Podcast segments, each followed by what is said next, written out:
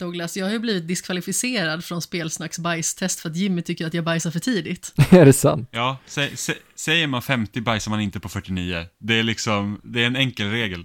Men det stämmer ju Amanda inte. är så jäkla på att bajsa så hon bara yes, nu är vi nära. Kör nu rätt. Det är lika bra att få det överstökat. Alltså Jimmy har en poäng, jag är ledsen att säga det. 50 är 50. Ja, Men Jimmy ljuger. Nej. Det är flera gånger som man säger bara, ja, och där hade inte klockan slagit om när och där kom Amandas bajs. Tröttsamt. You had one job.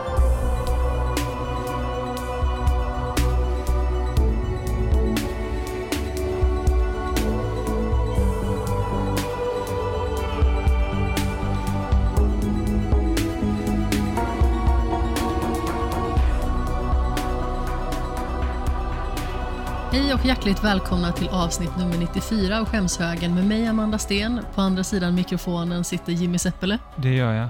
Och på andra sidan skogen sitter Douglas Lindberg. Ja, hej. Skogen. Det är en- Blir det du är en- överraskad över att han Ja men det, jag tänkte så att det är en jäkligt lång skog från Alingsås till Sigtuna. Men absolut, jag sitter på andra sidan skogen. Det stämmer. Det är i alla fall någon skog. Ja, ja, Det är massa, minst ett träd emellan i alla fall. Ja gud ja. Det, det får man säga. Det får man säga. Det, eh, tack i alla fall, kul att vara här. Ja, men det är kul att ha dig tillbaka. Det måste ju nästan vara ett år sedan du var här senast nu. Ja, Pratar jag försöker liksom eh, tänka lite grann vad det var jag var med på senast. Eh, det blir lite att det glider Vi ihop. pratar Squid Game. Just det. Just det. Kul. Avsnitt. Minns jag tillbaka det på som. Att det var rätt bra snack faktiskt. Eh, så det, det är härligt att vara tillbaka. Jag har ju fått gästa spelsnack lite sånt där också. Och lite sånt där också. Så eh, ja. Alltid kul att få vara med på ett litet hörn åtminstone. Det är kul att ha dig med. Hur är det med dig nu? Vi har ju pratat en del i spelsnack om att du har snofsat på ditt hus. Ja, ja men det är bra. Eh, hus köpte vi för eh, inte så länge sedan och nu ska jag tydligen bli pappa också. Så ja, det går framåt. Oj. Våra lyssnare är de första som får veta. Exakt, exakt. Eh, Inte ja, men ens jag hans har, Amanda vet. vad sa du? Inte ens din Amanda vet. Nej, hon har ingen aning. Uh, jo då, vi, vi, har, vi har koll på Surprise! exakt. Den börjar knacka på. Älskling, du är gravid. Är jag? Ska vi åka till sjukhuset? Exakt. Eh, nej, så Grattis. tack så mycket. Så det blev. Eh, nej, men jag har väl kanske valt att inte göra en eh, grej utav det på sociala medier och sånt där. Jag kommer inte lägga upp eller prata någonting egentligen om det, kring det, sådär. Så de initierade får höra det den här vägen och annars så säger jag det till mina nära och kära. Ni hade fått reda på det förr eller senare, oavsett vad. Så. Eh, ja. I mars så kommer jag Det är lite svårt att hålla det hemligt. bli pappa. Ja, det blir ju det någonstans till slut. Eh, och sådär. Mm, Man behöver ju inte göra så stort spektakel av det. Det är ju liksom så lätt nu i dagens samhälle där det känns liksom som att var och en är offentlig person nästan. Mm. Då blir det liksom så att man måste hela tiden lyfta ut sitt liv i offentligheten och visa upp vad man håller på med. Och jag har faktiskt försökt att dra mig tillbaka lite grann från det där. För att ett tag så var jag ganska så mycket ute på sociala medier och visst, eh, jag är fortfarande kvar där, men jag försöker att liksom inte posta lika ofta eller liksom kanske tänka en sväng till ifall det är någonting som jag känner att, men behöver jag verkligen posta det här? Mm. Orkar jag ens posta det här? Är det nödvändigt? Jag är lite med dig. Jag har ju kapat Facebook helt, så nu missar jag alla kompisars fester och de blir upprörda på mig att varför har du inte osat på det här? Och jag har ingen aning om det för att det inte, jag, jag ser det inte. Jag vet inte om det. Instagram har också försvunnit mer eller mindre. Det är väl vissa direktmeddelanden som jag kan svara på sådär. Twitter är väl det enda jag fortfarande använder i någon mån. Men där har jag liksom skapat min egna lilla spel slash sportsfär som jag eh, rör mig i och är generellt ganska oprivat på något sätt. Um, personlig absolut, men inte, inte så privat. Um, så nej, det har också varit ett medvetet att försöka komma tillbaka. Jag tror att någonstans börjar den här sociala medievågen, i alla fall kanske för folk i, i min ålder, jag är född 93. Um, ehm, den börjar liksom ta ut lite sin rätt. Man har gjort sin tid någonstans, börjar i alla fall jag känna. Uh, och nu börjar det vara, vara dags att hitta nya nya vägar och sådär. Man har liksom de, de kompisar man tänkt umgås med lite grann för resten av livet, förhoppningsvis då. Eh, de, de finns redan där. Så man behöver inte liksom bredda sig på det, på det sättet kanske. Inte om man har ett, ett tryggt förhållande som jag har. Eh, och så. Det tar liksom upp så mycket tid med, med huset och sambon och ja, snart barn och sådär. Och jobb och allt runt omkring. Så den här sociala medieaspekten börjar, börjar försvinna lite, för mig i alla fall. Uh, och det är inte medvetet att jag har valt att jag ska inte göra en poäng utav att jag inte kommer ha barn. Eller jag ska inte göra en poäng utav att jag kommer ha barn på internet, så skulle jag säga. Uh, utan det är bara mer faller sig naturligt snarare än att göra ett statement sådär. Utan det är bara, nej, det blir nog inte så mycket av det. Mitt barn får skaffa sociala medier sen och hitta rätt i fördärvet på egen hand, tänker jag. Den, den får ta eget ansvar för det. Ettårsdagen, då är det dags. Exakt. Kolla, jag har köpt en telefon till dig och skapat en profil på... Nej. Den får göra det. Du kan ju skapa en profil i, på Instagram åt barnet, så blir det liksom, jag vet inte, Douglas Juniors Ja, klipp exakt. in eller vad man nu kan kalla det. Och så, ja, precis som vissa har ju det för sina hundar. Exakt. Det är ju en väg att gå. Och sina barn vill jag bara säga. Ja, Seriöst? Åh gud. det kan jag väl ändå... Ja, ja, det finns många som har det. Absolut. Det är lite konstigt. Jättemånga. Men då brukar ofta vara också att man bjuder in typ familjevänner som jag förstått det. Ehm, De Ja, men precis. Det har jag sett också. Eh, Jag har en kollega som nyligen fick en bebis och eh, hon skapade liksom en profil där hon kunde lägga upp fler bebisbilder liksom, bara för att hon kände att hon vill inte lägga upp så jättemycket på sin egen profil utan för att typ nära och kära ska kunna följa bebisen liksom i dess utveckling och liksom se bilder och vad de har för sig så fick den liksom ett eget flöde så att säga. Skapa en gruppchatt. Ja, men exakt. Mm. Det är som jag deklarerat tidigare att eh, till och från blir ju våran kompischatt bebischatten. Ja, så blir det ju. Och vi vill bara prata videospel. Ja. Jag, jag är inte heller aktiv på sociala medier direkt. Alltså jag kollar Twitter, men Instagram är en pest och pina och Facebook, där får man bara gamla minnen från när man spelar Farmville. Så det, det händer inte så mycket. Jag saknar ju forumtiden. Mm. Även om det liksom finns, alltså vi har ju forum eh, som medlem i, men det är inte liksom, man har inte riktigt den tiden heller såklart. Men det, det kröp ju in på forumen också, liksom det att man, folk har inte riktigt de diskussionerna längre, utan du svarar på huvudinlägget precis som du svarar på en Facebook-post och sen så blir det inte jättemycket diskussioner liksom i själva trådarna, vilket är lite synd.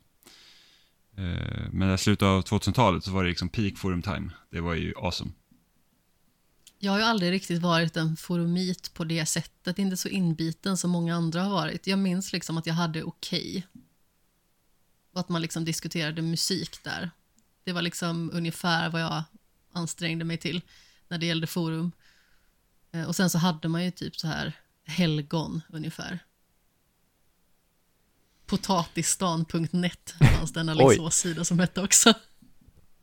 Ja, det är ju Djupt. fascinerande. Lunarstorm och Banana Island och Playhead. Jag var aldrig medlem på ett helgon. Nej, inte jag heller. Jag hade, jag hade, jag hade de andra så här populära sidorna. Jag var, jag var faktiskt inne på loading väldigt tidigt. Det var väl Mm? egentligen det enda nätverket som jag höll mig till på det sättet. Sen var det ju bilddagboken såklart. Eh, Det hade jag också. mm, Jag hade aldrig bilddagboken, för jag har aldrig varit så intresserad av att ta bilder på min omgivning och, och lägga upp. det tror inte jag att typ någon var. Det var bara grejen att alla hade en systemkamera. det var liksom, det var det man skulle ha tydligen. Och ta bilder med. Eller en sån här liten digitalkamera. Ja, exakt. Exakt. Ja, det kunde man också. Men det, det, nej, det var inget jag gjorde.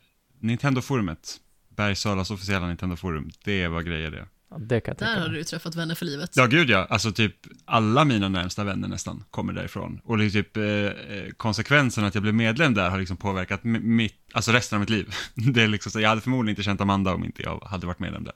För då hade inte jag kommit till loading och ja, Och du har ju också träffat vänner för livet åt mig. ja precis, så är det. Jag drar med alla i fallet. exakt. Ja, men exakt. Jag hade inte varit inne speciellt mycket på loading innan jag började skriva där heller. Utan jag skrev ju för IGN, precis som du också gjorde Douglas. Mm, exakt. Och sen så blev det liksom att när den la ner så skuttade man över och då var det liksom ganska så outforskad mark. Mm. Precis. Jag gillade ändå hur mycket liksom word to mouth var på något sätt. För jag började ju plugga digital design på distans. Och då mötte jag ju Starfighter eh, Johansson. Som finns på Twitter, som säkert många känner till. Um, och han sa att kom till Skillpoint och börja skriva. Så började jag skriva för Skillpoint. Och sen hoppade man vidare till IGN, fick eh, eh, erbjudande från Mattias Sörbom om att börja skriva där. Och sen liksom... Ja, samma här, ja, vad roligt. Exakt. Och sen lade det ner och då var det loading. Och sen var det podd, öppna världar och nu så sitter man på Play One. Hoppar runt lite, men man har ändå hållit på med tio år har jag kommit fram till. Skrivit texter, om inte längre. I ett eller annat avseende. Utan liksom journalistisk bakgrund på det sättet, förutom ett brinnande intresse såklart. Ehm, men det, det, det, ja, forumtiden har varit en intressant tid. Som faktiskt dör ut. Ehm, jag tror, jag vet inte, jag saknar lite grann det här, det här långsamma och lite mer genomtänkta lunkandet på något sätt. Nu ska allting vara så himla snabbt och det det kommer över mig och att jag blir liksom mer trött utav sociala medier nu för tiden snarare än att det ger mig någon inblick i, i liksom kompisars liv. Eh, då har man egna privata chattar. Förut var det mycket mer ett eget flöde på till exempel Instagram. Eh, innan de gjorde om algoritmen att det skulle vara reels och allt möjligt. Nu är det ju mer bara ett, ett eh, marknadsföringsflöde och det orkar inte jag med. Jag ser så mycket reklam om dagarna ändå. Ja, Instagram har blivit helt värdelöst. Algoritmen är verkligen fruktansvärd. Alltså, jag... jag får ju se mer skrutt kring liksom folk som Instagram tycker att jag borde följa än vad jag liksom får se vad mina vänner hittar på. Det är ju liksom inte det jag vill ha det till. Jag har ju det till för att jag vill följa mina kompisar och se vad de hittar på för någonting. Exakt. Det tycker jag ju är trevligt. Och jag hade gärna velat ha det liksom i kronologisk ordning tidsmässigt. Men det är ju inte så längre. Därför gör det också liksom att man drar sig lite för att gå in. Och sen Facebook har ju liksom blivit lite mer sådär att det är ju kommentarsfältets era mm. på något vis. Där är det liksom folk som lever rövare i varenda kommentarsfält de kommer över egentligen. Och det är ju också väldigt tröttsamt att se. Mm. Framförallt så tycker jag att man måste liksom hålla sig för att inte svara när det är någon som är en mupp. Jag minns ändå tiden innan våra föräldrar tog över Facebook. Det var, det var en kul tid. När man faktiskt svarade på frågan, vad har du för dig? Och man skrev så här, jag sitter och skiter och läser kalanka typ. Och så var det liksom, det, då var det ändå lite forumkänsla någonstans. Sen kom föräldrarna mer och mer och la upp sina jävla båtar och hus och allt, allt är så himla fint typ. Vart sämre successivt. Mm, och sen kom packet som bara så här, evolutionsteorin existerar inte, gravitationen är lögn och jorden är platt. Mm. Och man bara, okej. Okay. Alla våra favoritämnen ja, men det, samlade på ett och samma ja, men plats. Alltså det är liksom så här, att det, det, här med att folk går runt och tror att jorden är platt, alltså det måste ju vara det mest sjukaste någonsin. Ja, faktiskt. Ja, och sen nu i synnerhet liksom med en pandemi i ryggen, väldigt färskt då har man ju fått uppleva både det ena och det andra som man inte har velat i sina sociala medier, där man liksom märker att det faktiskt finns folk som man känner och i vissa fall folk som man liksom har tyckt om, som uttrycker väldigt konstiga åsikter. Och även liksom kanske då i valsammanhang som är ännu färskare. Mm. För det känns ju liksom som att fältet är mycket mer öppet på något sätt. Folk yttrar sig utan någon form av eftertanke. Ja, vilket också är märkligt för i samhället, i vårt liv så finns det ju, det finns ju bara en sanning. Det finns ju, det kan ju bara vara sant på ett sätt. Det finns liksom inte bokstavligt talat fler sanningar än en. Man kan tolka verkligheten på olika sätt, men alltså faktumet kvarstår att det, det, det finns en sanning och sen får du förhålla dig utifrån den. Men på, på liksom sådana här medier nu så skapas det så många olika sorters inom kaninörons sanningar. Vilket gör bara hela debatten förvrängd. För det går inte. Det är liksom omöjligt. Ja, och folk är också dessutom helt omöjliga att argumentera mot. Just bara för att det har liksom blivit ett sånt klimat där den typen av människa som tror väldigt starkt på en sak eh, som kanske en större grupp tycker är helt befängt. Den personen söker ju hela tiden information eller dylikt som bara stärker ens egen teori. Det är ju inte det att den söker efter sådant som kanske motbevisar det den tror på, Mm. utan den söker sig efter likasinnade och information som stödjer ens egna åsikter. Så det är väldigt svårt att resonera med en sån person, för att det är väldigt lätt att bli förbannad själv när man tycker att men nu är det ju orimlig. Mm. Men den personen kommer ju liksom bara äggas mer av det och eh, tycka att det agerandet som man själv kanske har gentemot det, att det bara bevisar att personen har rätt. Mm. Verkligen. Så det blir ju liksom väldigt eh, konstig jargong, eller vad man ska säga. Ja, men Det dynamiken är svårt blir att diskutera. snedvriden. Alltså jag tycker det är så, jag tycker ju- jag älskar ju diplomati. Jag tycker det är jättekul med politik till exempel. Men det är ju helt omöjligt i många sammanhang att föra någon form av dialog. För att det blir ofta en monolog, att så här är det. Och får man nicka med och bara, ja, absolut, du har din bild. Vi hörs. Tyvärr. För jag, alltså, jag har många gånger sagt att jag, jag kan förstå en, en, en Trump-supporter till exempel. Ifall de kan argumentera för varför de röstade för Trump. Då kan jag köpa det. Om argumentet makes sense. Men, Men eh, precis som det håller på något vis. ja. Det är så många som också inte har något argument ifrån den sidan och då är det inte, alltså, det är inte svårt att bli misstänksam mot sådana människor då heller. Tyvärr. Jag tror man har mycket att lära av varandra ändå, att någonstans driva samhället framåt, men det är, ändå, det är kul att höra i alla fall att ens framtida barn landar i en konspirationsteori på något sätt. Om sociala medier. Alltså inte att mitt barn är ett konspirationsteori, utan att debatten föll ditåt. Ja, vi får se. Finns det här barnet eller inte? Det är den stora frågan. Exakt. Men Douglas, hur länge sedan var det ni skaffade ert hus nu? Det måste ju ha varit ett litet tag sedan. Ja, men det börjar väl närma sig ett halvår ungefär. Så vi går väl in mot den första eh, vintern i huset och så. Men eh, Hur mycket, känns det då? nej, men mycket bitar har fallit på plats. Eh, vi har en hall, det är ju kul. Eh, och så. Alltså det var ju bodugligt från början. Eh, absolut. Så det är ju mest yta som behöver kanske putsas till. Men det känns väldigt bra. Det är väldigt skönt att äga ett hus. Att få vara lite för sig själv på kanten sådär. Um, sen uh, vart det inte jättekul med all uh, amorteringskrav och räntehöjningar och elpriser på det och sådär. Men uh, jag tror vi kommer klara oss ändå. Vi jobbar ju båda två, så det är ingen fara på taket. Alla sitter i samma båt. Det känns ändå tryggt på det sättet. Ja, men det känns ju som att det är en av de största diskussionerna som florerar liksom i kontorsmiljöerna just nu. Liksom. Hur det ska gå med eh, alla kostnader. Ja. Och jag tror att eh, i överlag, eller om man kollar utifrån sin egen situation i alla fall, så är det lite grann att slå på den lite för stora trumman. Det kommer gå bra. Vi kommer gå jättebra i Sverige.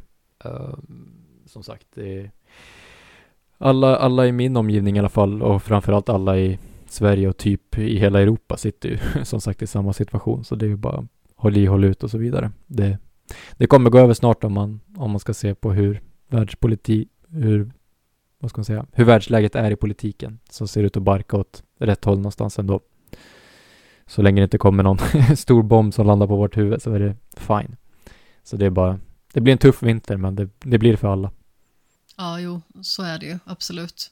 Vi har ju väldigt tur att vi har ju en lägenhet som är ganska så billig och dessutom är eh, med inkluderad el.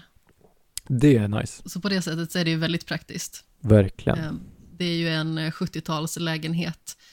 Eh, Så den är ju lite äldre och eh, den är faktiskt ganska så väl utformad. Så det är ju liksom inte det att vi känner att vi har jättebråttom härifrån, i synnerhet inte just nu. Men man längtar ju faktiskt efter att ha någonting lite större, känner jag. Ja, bor ju på 57 kvadratmeter. ah, okej. Ja, vårat, eh, vårat hus landar ju på 218 så Men då får man ju, Oj. då får man ju liksom betala ut därefter också. Så är det. Det är ett suterränghus. Det är också ett 70-talshus. Så jag känner igen er i det. Men eh, fönstren är utbytta och lite sådana där saker, vilket har gjort tror jag otroligt stor skillnad för ja, energikonsumtionen och allt sånt där. Uh, och uh, inuti ser det inte ut som att det är från 70-talet. Det är lite, lite piffigare än så. Så ja, skiter det sig så får ni väl komma och flytta till Sigtuna i alla fall. Då känner ni igen er i 70-talet i alla fall. Flyttar in i er uh, källare? Ja, eller alltså ni får ju ta hela nedervåningen. Oj, oj. Då kan vi dela 100, 100 kvadrat jämt. Det blir kanon. Är erbjudelse? Ja, ja, ja. Det är bara att komma. Vad fint. Ja, nej men som sagt, eh, vårt kök ser ändå ganska så rimligt ut, men jag tror att det är toaletten som är något av det fulaste jag har sett alltså. Ah. Kan du tänka dig ett grönt golv och beige kakel på Oh. väggarna? Det, det tar emot.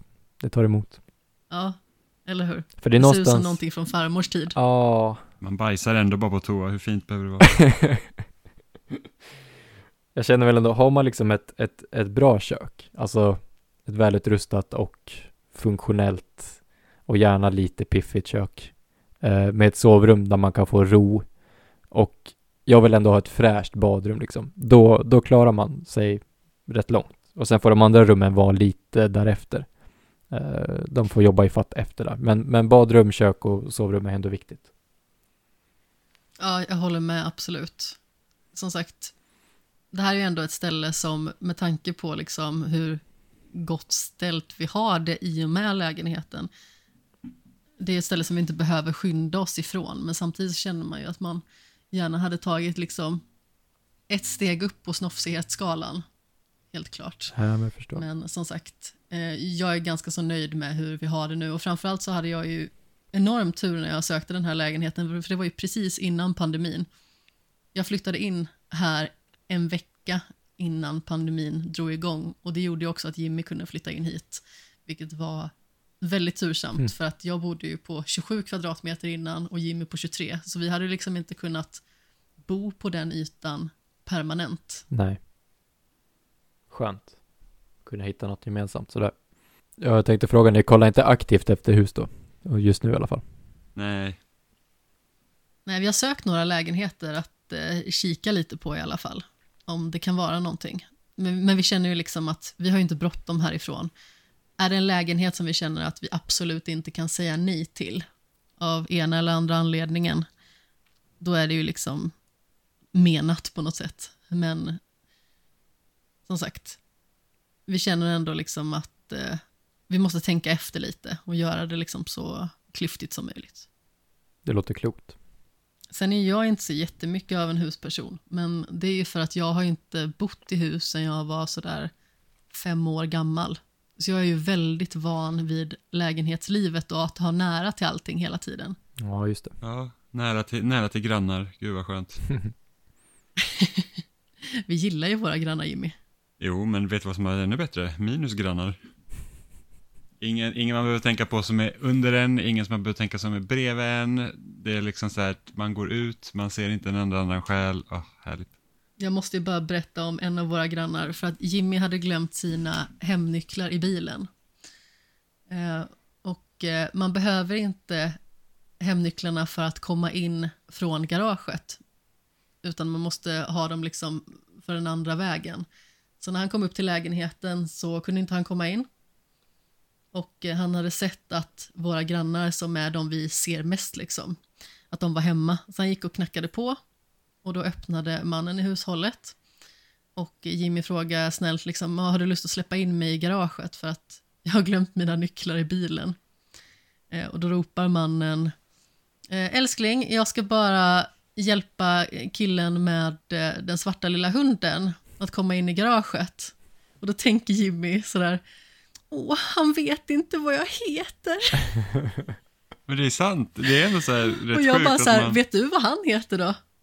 Nej. Nej, men det är rätt så sjukt, man bor ändå så pass nära, man har liksom ingen aning om vad det är för folk. Jimmy är lite kär i vår granne nämligen, så det Nej, var inte väldigt men Han ser roligt. väldigt snäll ut. Det gör han absolut. Men att ni inte vet vad Men det de var så heter. himla roligt. Du fick Nej, ditt alltså, vi hjärta har inte, krossat vi har där. inte Ja. jätte, så här, någon kontakt med våra grannar på det sättet. ju.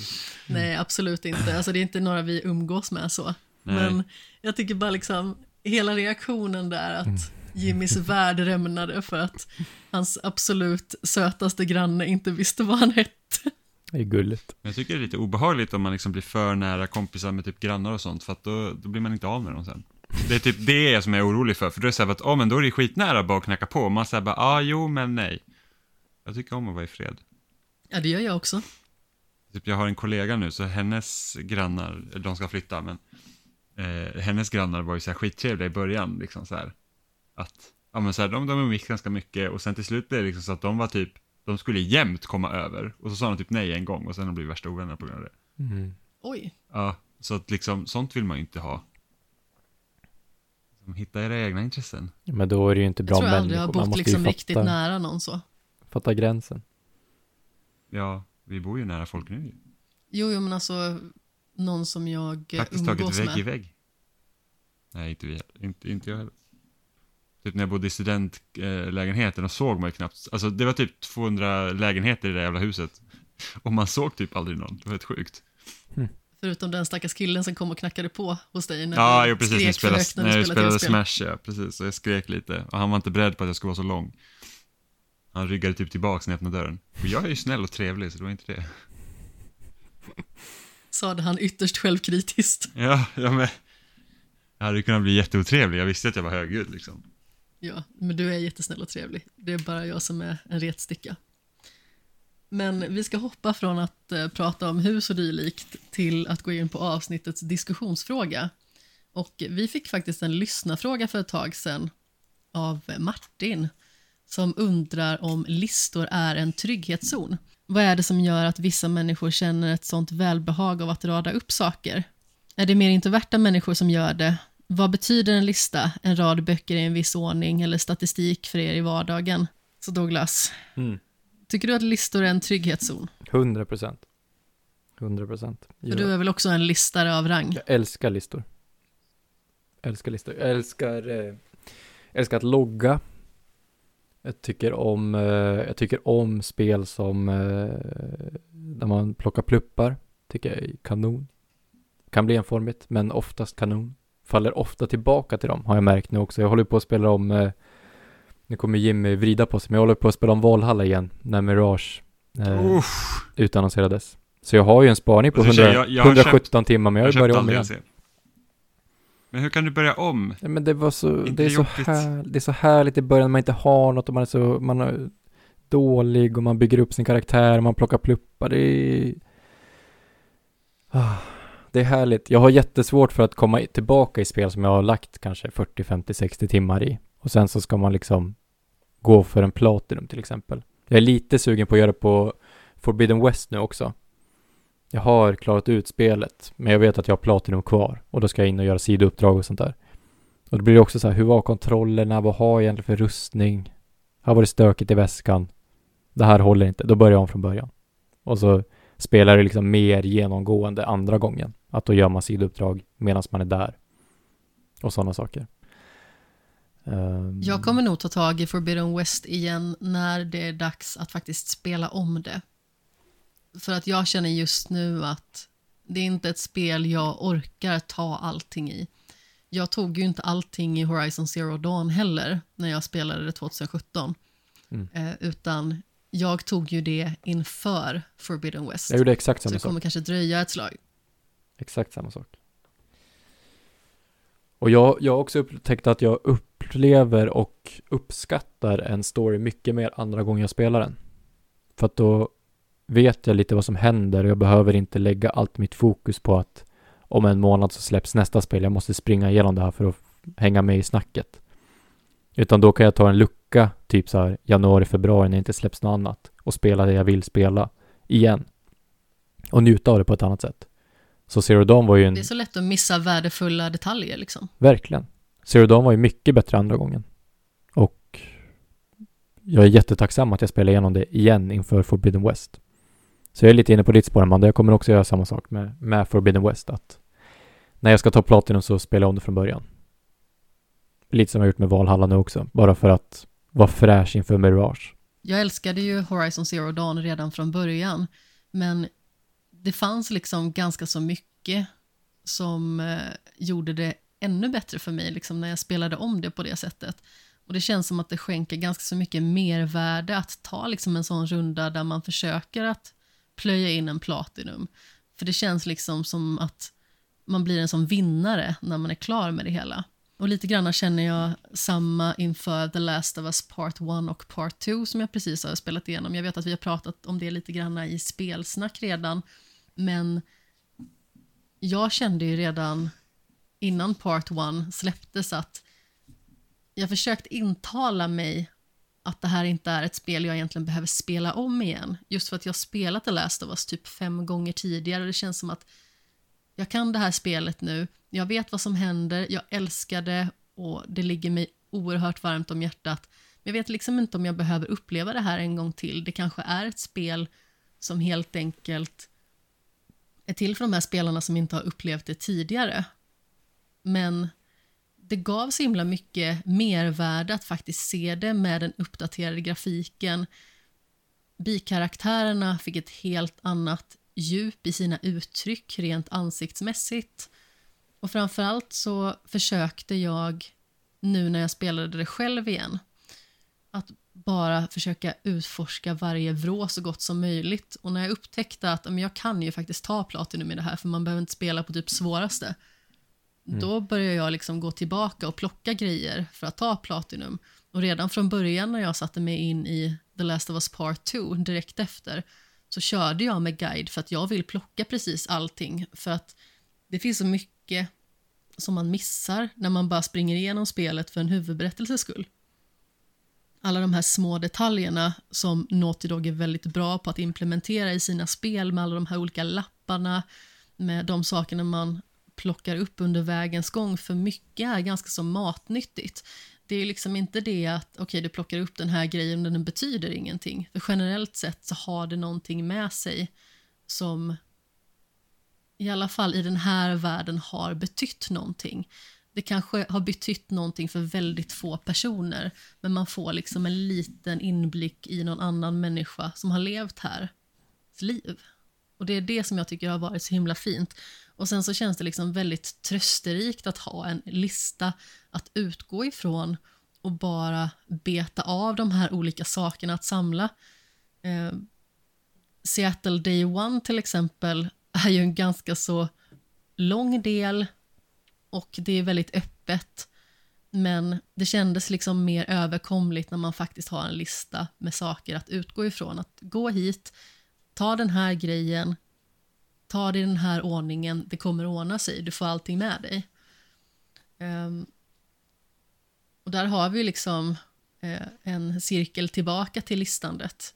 Jag tror att för mig så handlar det liksom om att skapa struktur i tillvaron. Det ger mig struktur att reda ut tydligare vad jag tycker och tänker och känner om saker. När jag sätter en topp fem med årets bästa spel eller årets bästa filmer eller tv-serier då cementerar jag lite grann vad jag har tyckt just nu, hur jag känner för stunden. Och visst, man kanske inte bevarar den känslan för evigt, men det är ganska så fint att gå tillbaka och tänka att ja, men, så kände jag då. Jag känner inte likadant nu, men det behöver jag inte heller göra för att man utvecklas hela tiden som människa. Och sen att bara skriva upp och lista saker för sig, det tycker jag också är väldigt tillfredsställande. För att då känns det som att man har åstadkommit någonting när man ser listan utökas med verk som man har spelat eller sett eller läst eller vad det nu kan vara. Då känner man liksom som att man har åstadkommit någonting. Även att det kanske är någonting så simpelt som ett videospel. Många skulle förmodligen tycka att det är helt barockt att man sitter och listar videospel som man har spelat. Men för egen del så har det något form av värde. Det är något Verkligen. att hänga upp sin tillvaro på på något sätt. Verkligen. Det känns som att ens tid blir mer värd. När man eh, sätter ner bläck på det. Jag såg att, eh, kollade igenom lite mina anteckningar på telefon. Då har jag listat årets bästa spel sedan 2015. Um, och sen började jag med film Samma och serie sen 2019. Ah, 15, bra, bra år. Och sen så har jag också en, en hemsida som heter backloggery.com som jag kan tipsa alla om. Och jag förstår inte att inte alla människor använder sig utav den. Där har jag varit medlem sedan eh, 2013. Där man skriver in alla sina spel eh, och sen när man klarat av dem så kan man ha dem som biten. Eh, och sen kan man också ha complete på dem om man tar till exempel alla trophies och sånt där. Eh, fylla i mycket trophies man har, skriva lite recensioner om dem i ett snyggt litet ja, forumformat som vi var inne på tidigare. Eh, supermysig hemsida, backlogger.com, verkligen tips. Och ja, men likadant på IMDB och allt vad det heter, eh, Letterboxd. Ja, Letterboxd. Ja, Precis. väldigt bra. Synd att det inte finns serier där. Det är mitt enda krux. Så då har jag en Ja, en annan app som heter Hobi där jag fyller i avsnitt jag har sett och sådär. Bara för att ta koll på vars var jag senast och ja, lite grann. Det känns bara lite värt att man har gått igenom det. Det fanns ju nå, vad tusan, det var en svensk sida jag hade förut också. Nu kommer jag inte ihåg vad den heter bara för det. Den la ner i alla fall. Uh, ja, men där var det också att man bockade i avsnitt man hade sett och man fick ett fint liksom en fin överblick på vad man har kollat på så får man lite tips om vad man kan tycka om härnäst och sådär. Det blir som en ett bra flöde någonstans. Uh, samtidigt som man kan gå tillbaka och tänka på saker man har klarat av och sådär. Så att men som i, en backlog kan jag till exempel få jättelätt överblick över hur mycket spel jag äger. Um, det har fått mig att köpa mindre spel till och med för att det varit så här shit, nu har jag köpt 30 nya spel och inte klarat något och då har jag blivit mer ekonomisk på kuppen. Det var ju positivt. Uh, bara för att man vill bocka av lite fler saker i den där listan och det känns alltid lite jobbigt att lägga in ett nytt när man inte har klarat av något annat men man vill ju någonstans hänga med i tugget också som vi var inne på där också med sociala medier och Twitter och det är kul också att vara med i snacket någonstans. Men uh, jag är 100% med dig Amanda. Det är superhärligt att bocka av och bara känna lite tillfredsställelse när man faktiskt klarar av något. Det är en, det är en väldigt förlösande känsla. Uh, och det gäller att balansera också den här vikten av att inte spela för att klara av saker utan faktiskt för att uppleva något. Men att det här blir ett extra litet plus i kanten bara. Ja, men precis, och det är väldigt behagligt också att kunna gå tillbaka och se vad spelade jag 2019? Det kanske inte betyder någonting för en varje dag, men när man väl behöver se det så finns det där. Jag brukar använda mig av Google Keep till allt det här. Så har jag liksom alla mina listor, typ vilka tv-serier jag såg 2018 eller vilka videospel jag spelade 2016. Allt sådant har jag liksom samlat på ett och samma ställe. Just bara för att det känns väldigt trivsamt. Sen så använder jag mig av Letterboxd också och liksom sätter betyg på filmer och så. Och framförallt så har jag ju min eh, watchlist där, där jag kan liksom se vilka filmer som jag vill se gärna liksom så nära i framtiden som möjligt, men sådana som kanske verkligen ligger i skämshögen. Om man ska återknyta till det egentligen, att mycket som man gör med liksom sådana här checklistor till exempel, det handlar ju om att konsumera sånt som man har missat eller sånt som man riskerar att missa. Eller för den delen inte vill missa. Så det är ju någonting som oftast befinner sig liksom på det, det, eh, som ofta befinner sig digitalt snarare än den fysiska världen. Det är väldigt sällan som man lägger liksom en hög med filmer på varandra och säger att de här ska jag kolla på. Men sen så, just det här med introvertheten, jag tror att det kan ligga någonting i det. Att eh, man som introvert kanske har en tendens att vara liksom den här ordningsamma, lite mer nitiska personen med vissa saker. Jag har ju blivit kallad eh, Rainman för mina pennor på kontoret till exempel för att de ligger i en väldigt prydlig ordning och eh, har liksom färgkodat dem och i stort sett lagt upp dem med linjal. Det är såna överstrykningspennor. Jag använder dem väldigt sällan men jag tycker att det ser prydligt och fint ut och det finns väldigt många som kommer in och eh, rasslar till med pennorna så att de hamnar i oordning eller vänder på en penna eller sådär eller gömmer någon eh, bara för att det är lite för starkt för dem liksom, att hålla sig undan. Men alltså, jag gillar den här ordningen och det är liksom samma när det gäller videospel till exempel, att ställa allting i bokstavsordning. Det är ju någon form av tillfredsställelse. Och jag tror att sånt beteende kan nog liksom vara ganska ångestdämpande också. Jag tror att det har liksom en ångestdämpande funktion i många fall just för att det är ett sätt att ta kontroll över situationen. Oavsett om det är liksom att du ska ställa saker i ordning eller om du ska lista någonting eh, så gör det att du känner att du har kontroll över din tillvaro och att du liksom har koll på ditt eget torp, så att säga. Vad säger den tystlåtne Jimmy? Jag bryr mig inte jättemycket om listor, ärligt Och talat. ändå listar du. Jag listar för att jag ska kunna komma ihåg saker till typ årets spel. Det är liksom enda anledningen till att jag har, för jag har ju, jag använder notes i min iPhone, eh, där jag listar allt jag spelar, för att bara för att hålla koll på det. För att det blev för svårt när man kom till årets slut att vara så att, okej men vad är det jag egentligen har spelat?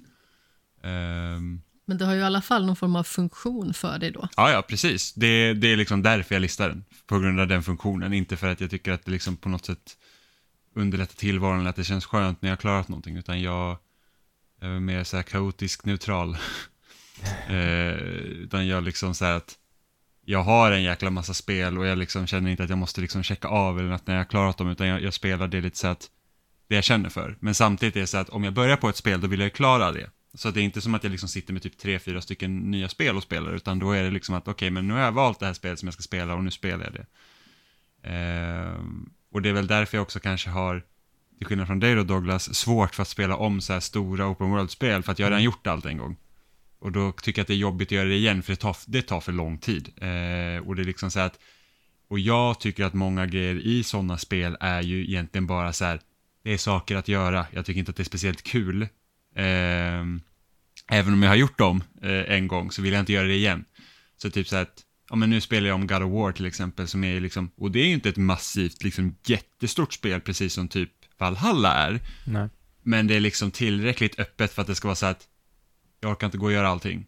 Eh, samtidigt som man känner lite så att, ja men det är lite jobbigt, då kanske jag missar vissa bra gear och då är jag inte lika stark när man kommer mot slutet och då kanske det blir svårare, men då är det så att då får jag väl köra på easy då. Eh, men liksom, jag hade jättegärna vilja liksom uppleva kanske storyn igen i, säg Red Dead Redemption 2, men då är det så här att okej, men det finns så himla mycket sidogrejer att göra också. Och det liksom kan vara svårt att bara dra igenom huvudstoryn. Eh, och det är väl lite det jag känner med God of War nu, att jag försöker bara dra igenom huvudstoryn, men det känns som att man, man tappar lite av det som man tyckte om med spelet när det var nytt.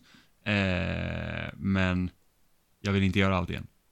Medan till exempel ett spel som The Last of Us, som är liksom mer linjärt, och, och liksom där kan du verkligen följa storyn, för att där blir så här, all utforskning du gör i de spelen är ju bara för att jag behöver lite mer resurser så att jag kan ja, men fixa ett health kit eller bygga en bomb eller någonting sånt. Så det går liksom lite mer automatiskt. Jag behöver liksom inte traila bort från huvudstoryn liksom jättelångt för, och sen liksom försöka hitta tillbaks till den, utan det är liksom, ah, den här, de här nivåerna är ganska stora så att det är bara liksom, var lite noga i alla hörnen och sen så pinnar man ändå på. Eh, så där tycker jag liksom att jag vill, jag vill gärna ha ett driv och tempo när jag spelar. Jag tycker inte om liksom när man bara säger att, ja ah, men nu, nu gör jag något annat. Men sen så kommer jag alltid till en punkt i de här jättemassiva spelen, det är så här att okej, okay, men nu har jag spelat spelet i 50 timmar, jag börjar tröttna och jag måste se klart det. Så att då, då, då hoppar jag liksom över allt fluff och sen så kör jag liksom huvudstoryn slut. Mm. Jag hade lite likadan känsla när jag spelade Horizon Forbidden West faktiskt. Inte liksom att jag var trött på det, men jag kände liksom att jag hade spelat det väldigt mycket och väldigt länge. Och jag kom liksom till insikten att jag kommer inte orka ta allting den här gången. Jag måste röra mig mot slutet nu. För att jag behöver spela annat, känner jag. Ja, men så var det för mig också med Forbidden West. Det var liksom att jag var ganska noga med att göra sidouppdragen och sen så bara, det här tar aldrig slut. Och då, då börjar man ledsna. För att det är liksom inte, det är inte tillräckligt stor variation i vad man gör för att det ska liksom säga att, ja men det här håller liksom inte 20 timmar till. Nej. Jag kan liksom inte, åh, här möter man några robotar och så ska man skjuta dem igen och igen och igen och det finns liksom ingenting riktigt som bryter av det. Eh, och då, då börjar man pinna på. Om man jämför då till exempel med hur typ Nintendo sköter sina spel, ta, ta typ Breath of the Wild eller eh, Mario Odyssey, så liksom spel som egentligen inte har någon story, som liksom egentligen går emot det jag sagt nu. Men där är gameplayet liksom stjärnan i det hela och även om liksom du hoppar på plattformar med Mario så är det liksom att varje måne, ja inte varje måne men många månar är liksom verkligen så att det är en utmaning och den ser du bara här. Eller stjärnor i, i de tidigare spelen eller eh, solar eller vad som helst. Och då blir det liksom så att varje del eller varje liksom grej jag vill åstadkomma är någonting nytt som jag inte riktigt har gjort förut, även om det bygger på, på liksom den typen av eh, färdigheter jag redan har. Eller som Zelda till exempel, de här shrinesen, då är det ju typ, ja men varje shrine är ju i princip ett nytt pussel. Vissa saker är typ likadana, men, men de är inte så många. Eh, och då, då, blir det liksom lite en annan grej, för att då blir ju varje upplevelse ny. Mm. Eh, så att jag tror det, det är där som skillnaden för mig. Sen så drivs jag ju liksom att ta achievements. Så det, det, har ju liksom fått mig att utforska spel mer och mer. Liksom att när jag köpte en 360 till exempel och, och liksom började ta Ja, men så här, och achievements är kul till exempel. Då börjar jag ju spela på svåra svårighetsgrader och då börjar man ta de här collectiblesen. Och det är därför det blir så att när man spelar så många open world-spel på rad, då är det bara så att, ja, här är den här listan igen, nu ska man checka av allt det här för att typ ta några achievements. Men då känner du ändå någon form av tillfredsställelse kring att att samla poäng, ja. Samla poäng. Ja, för poäng. det är ju ändå som så att när du har en lista med achievements så är det fortfarande en lista med saker att göra och det är en lista som du bockar av. Absolut, men jag har liksom inget tvång om att jag måste ta 100% i typ alla spel jag spelar. Alltså jag har, Inte haft, jag jag, har haft kompisar som gör så, alltså typ en, en kille, också från Nintendo-forumet, han heter Gabriel. Han är den sjukaste personen jag någonsin har sett. Alltså han, han liksom är så här typ att han spelar inga nya spel på sin profil för att få en achievement, känner han så att okej, okay, jag måste ta alla achievements. Eh, och jag kan ju också tycka att det är jobbigt att starta spel jag vet att jag inte kommer liksom vilja spela bara för att ja, men nu är det massa saker som jag, liksom, jag inte kommer ta och det liksom stör lite sin egen statistik. Eh, men han var verkligen så att nej, jag kan inte spela det där spelet för att det är typ den där och den där kom, vet jag att jag inte kommer kunna ta så då vill jag inte göra det typ. Eh, men sen är han ju sjukt duktig på spel också, så han jag tror det var typ Lost Planet eller någonting sånt, eh, där man behövde klara spelet på svåraste svårighetsgraden och så fick man typ bara dö tre gånger totalt i spelet och det var liksom så brutalt jäkla svårt och han höll på med det typ i tre månader. Och det var det enda han spelade för att han skulle ta alla achievements. Och så nitisk är inte jag heller, det orkar jag inte. Och det, och det släpper ju mer och mer, alltså ju äldre man blir, blir man ju bara så här, ah, ja men nu, jag har andra saker för mig som jag måste göra. Mm. Jag tror att jag hade varit mer nitisk om jag faktiskt hade varit bra på videospel. Alltså man blir ju bra på videospel med att utmana sig på det sättet. Jag har blivit mycket bättre sen jag började liksom ta achievements. För det är liksom så att, visst, vissa grejer klarar jag inte. Jag vet att jag inte kommer kunna ta typ full pott i Devil May Cry för att jag är inte lagd åt det hållet. Men liksom shooters och sånt är jag bra på. Men jag var ju inte bra på det när jag började, utan man, man tränar ju, övar och, och så. Och du är inte så dålig på spel som du säger. det är liksom bara det. så.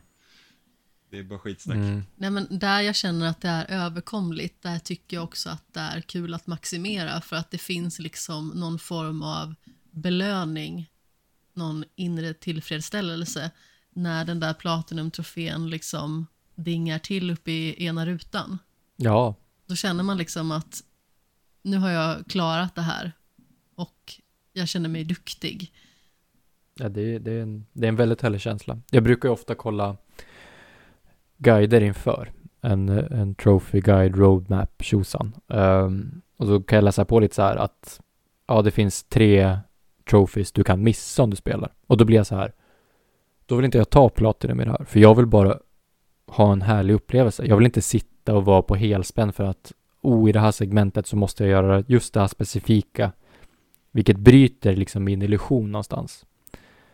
Uh, och där tycker jag att Playstation framförallt deras Playstations första parts studios hittar en jättebra balans för att nästan alla spel som kommer nu uh, är 40, 50, 60 timmar långa om man vill göra allt. Och alla spel har trophy som inte går att missa.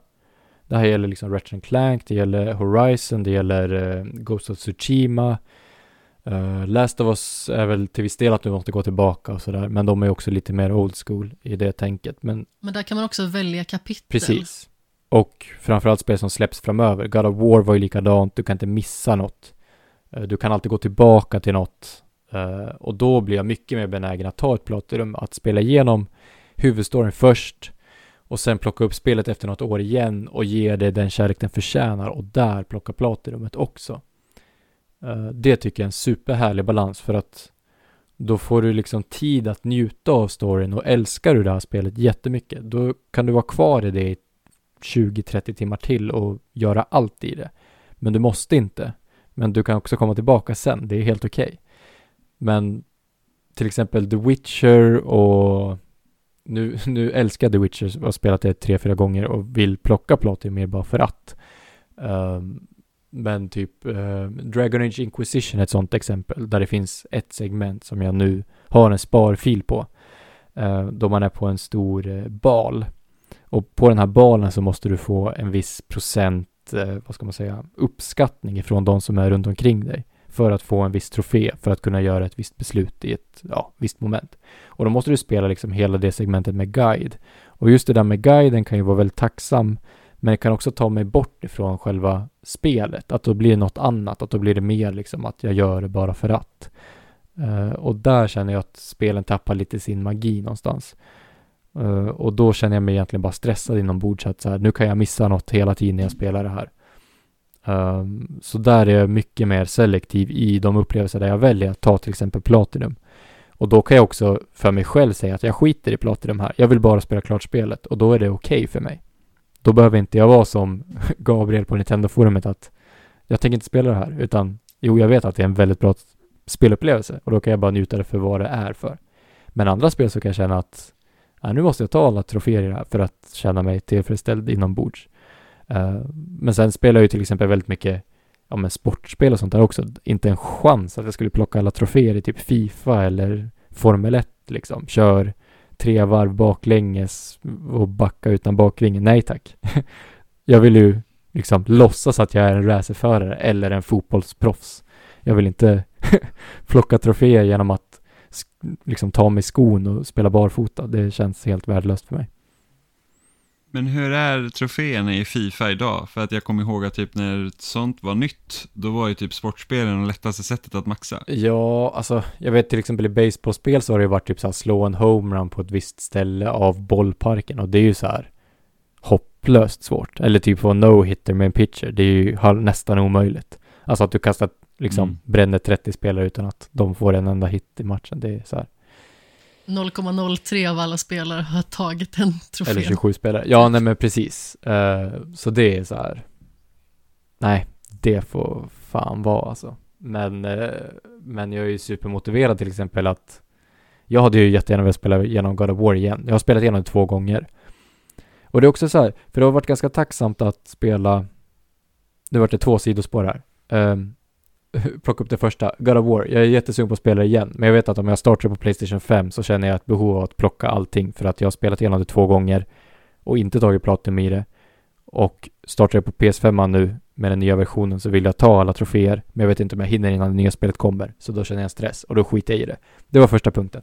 Andra punkten är att Playstation-spel är så himla tacksamma nu för tiden, för jag har nästan spelat alla de här spelen med Amanda, alltså min sambo inte Jimmy sambo, utan min, min Amanda. Um, till exempel Last of Us spelade vi igenom. Ettan och tvåan. Um, och det har vi spelat som en film. Att så här, okej, okay, nu spelar vi en timme eller två på kvällen och ser det som en serieavsnitt. Nu spelar vi Pittsburgh liksom, till exempel, i Part 1 då. Uh, och det har varit så himla härlig upplevelse. Och jag tycker att Sony och deras studios, och likadant med Ratchet Clank, att de har hittat en så underbar balans mellan film och spelunderhållning någonstans. Att det är någonting för alla. Du kan sitta och kolla på och ändå få ut någonting utav det. Och du kan spela igenom spelen utan begränsning att du kan missa något. Du kan komma tillbaka till dem och ta all, alla troféer i dem och upptäcka varenda vrå om du vill. Men du behöver inte. Du kan spela på vilken svårighetsgrad du vill. Det finns inga troféer som är bundna till dem. Um, de har jättebra kvalitet. Alltså jag tänker kontrollmässigt och allt sånt där, att de har hittat en så superhärlig balans. Och sen släpper de lite olika teman på dem. Ja men som Horizon är lite robotdinosaurier, actionäventyr. Uncharted är lite actionäventyr fast mänskligt. Last of Us är zombier, du kanske gillar det. Eller så kanske du vill leka samuraj. Eller du kanske vill vara en gud från Grekland. Alltså så här, de har ett ganska brett spektrum ändå. Visst, det är actionäventyr egentligen allihopa. Det är liksom den gemensamma nämnaren. Men balansen där och att de har lagt kontrollen i spelarens händer och säger okej, okay, det här är vårt spel. Vi har säkerhetsgaranterat det här, likt Nintendo gjorde för inte så länge sedan med sina spel. Vilket de fortfarande gör absolut, men de släpper inte så mycket. Det var därför jag gav dem en liten känga nu. Men njut av spelet, precis som du vill. Det är helt upp till dig. Vi har bara gett dig verktygen här. Nu får du, nu får du ta den i vilken riktning du vill. Och det har jag verkligen uppskattat med Playstation Studios och, och vägen de tar. Och jag hoppas att det blir samma nu för Xbox och att Nintendo börjar släppa lite, lite fler titlar framöver. För då har vi en väldigt bra spelvärld där vi kan traska runt i och njuta av massa olika upplevelser. Definitivt. Jag hoppas att eh, Martin har fått någorlunda svar på sin fråga och om det blev lite sammelsurium av olika åsikter och tankar och funderingar så det korta svaret var helt enkelt ja. Listor är en trygghetszon, åtminstone för oss alla tre på något form av plan i alla fall. Även om det kanske inte var lika viktigt för Jimmy som för mig och dig Douglas. Nej, Ja, nej, jag, helt, helt och hållet av praktiska skäl. För att mitt minne är dåligt. men då är det, det är ju lite trygghet inför årets spel och så vidare, så det blir ju ändå, Alltså jag hade inte dött om den hade försvunnit. Nej. Det är bara att jag tycker det var tråkigt att jag hade missat kanske någonting som man spelade tidigt på året. Eller glömmer bort i å- årsutgivning. För att i år är första gången jag även listar film och serier. På grund av att Amanda ska göra sin Shame of the Year.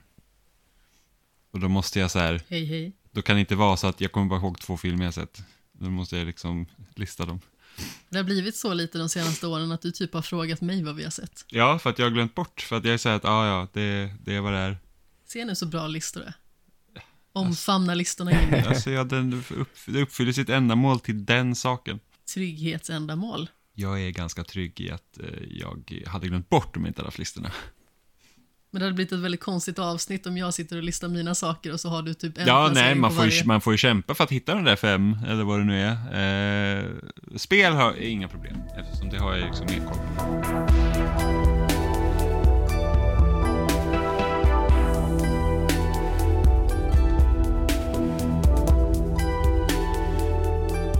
Hur som haver, vi ska gå in på avsnittets ämnen som eh, då i vanlig ordning är relativt eh, spoilerfria.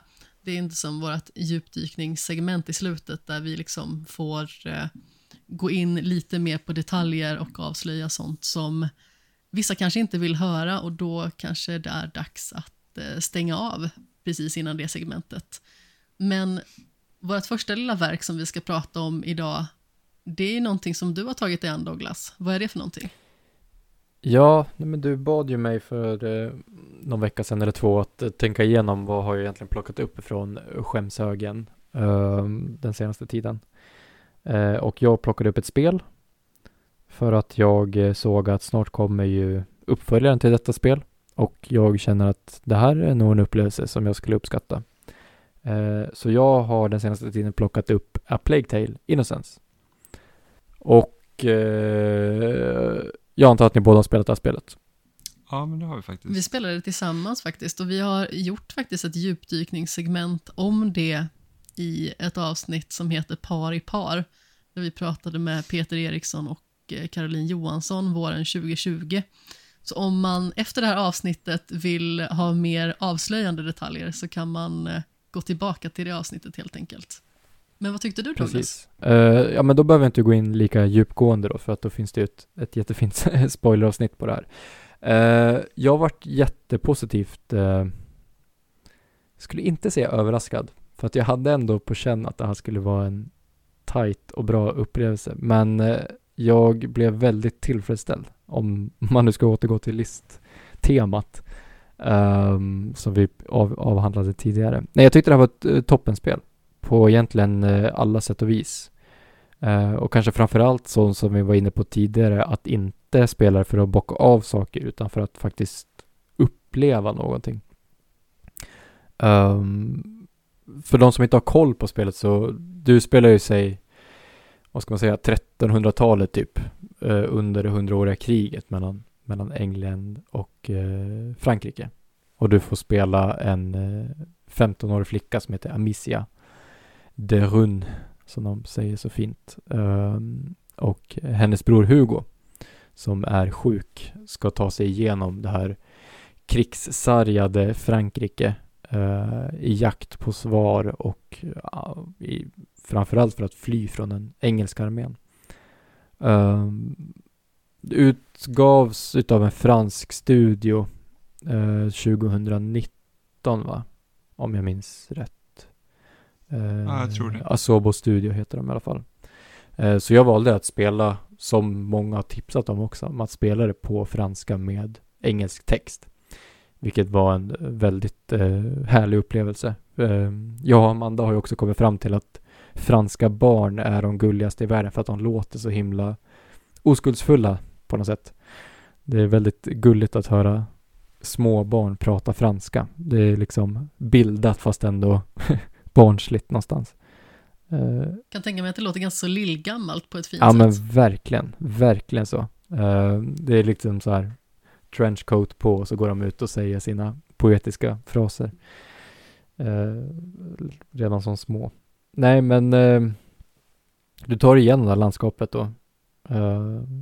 och sakta men säkert flyr undan dessa britter och eh, framförallt pesthärdar i form av råttor som kanske inte är råttor, vilket var en liten sån här ögonöppnare för mig, för jag trodde att det från början bara skulle vara ja, pesten, flypesten, men det finns ju faktiskt någonting mer underliggande där som jag inte ska gå mer in på här och nu.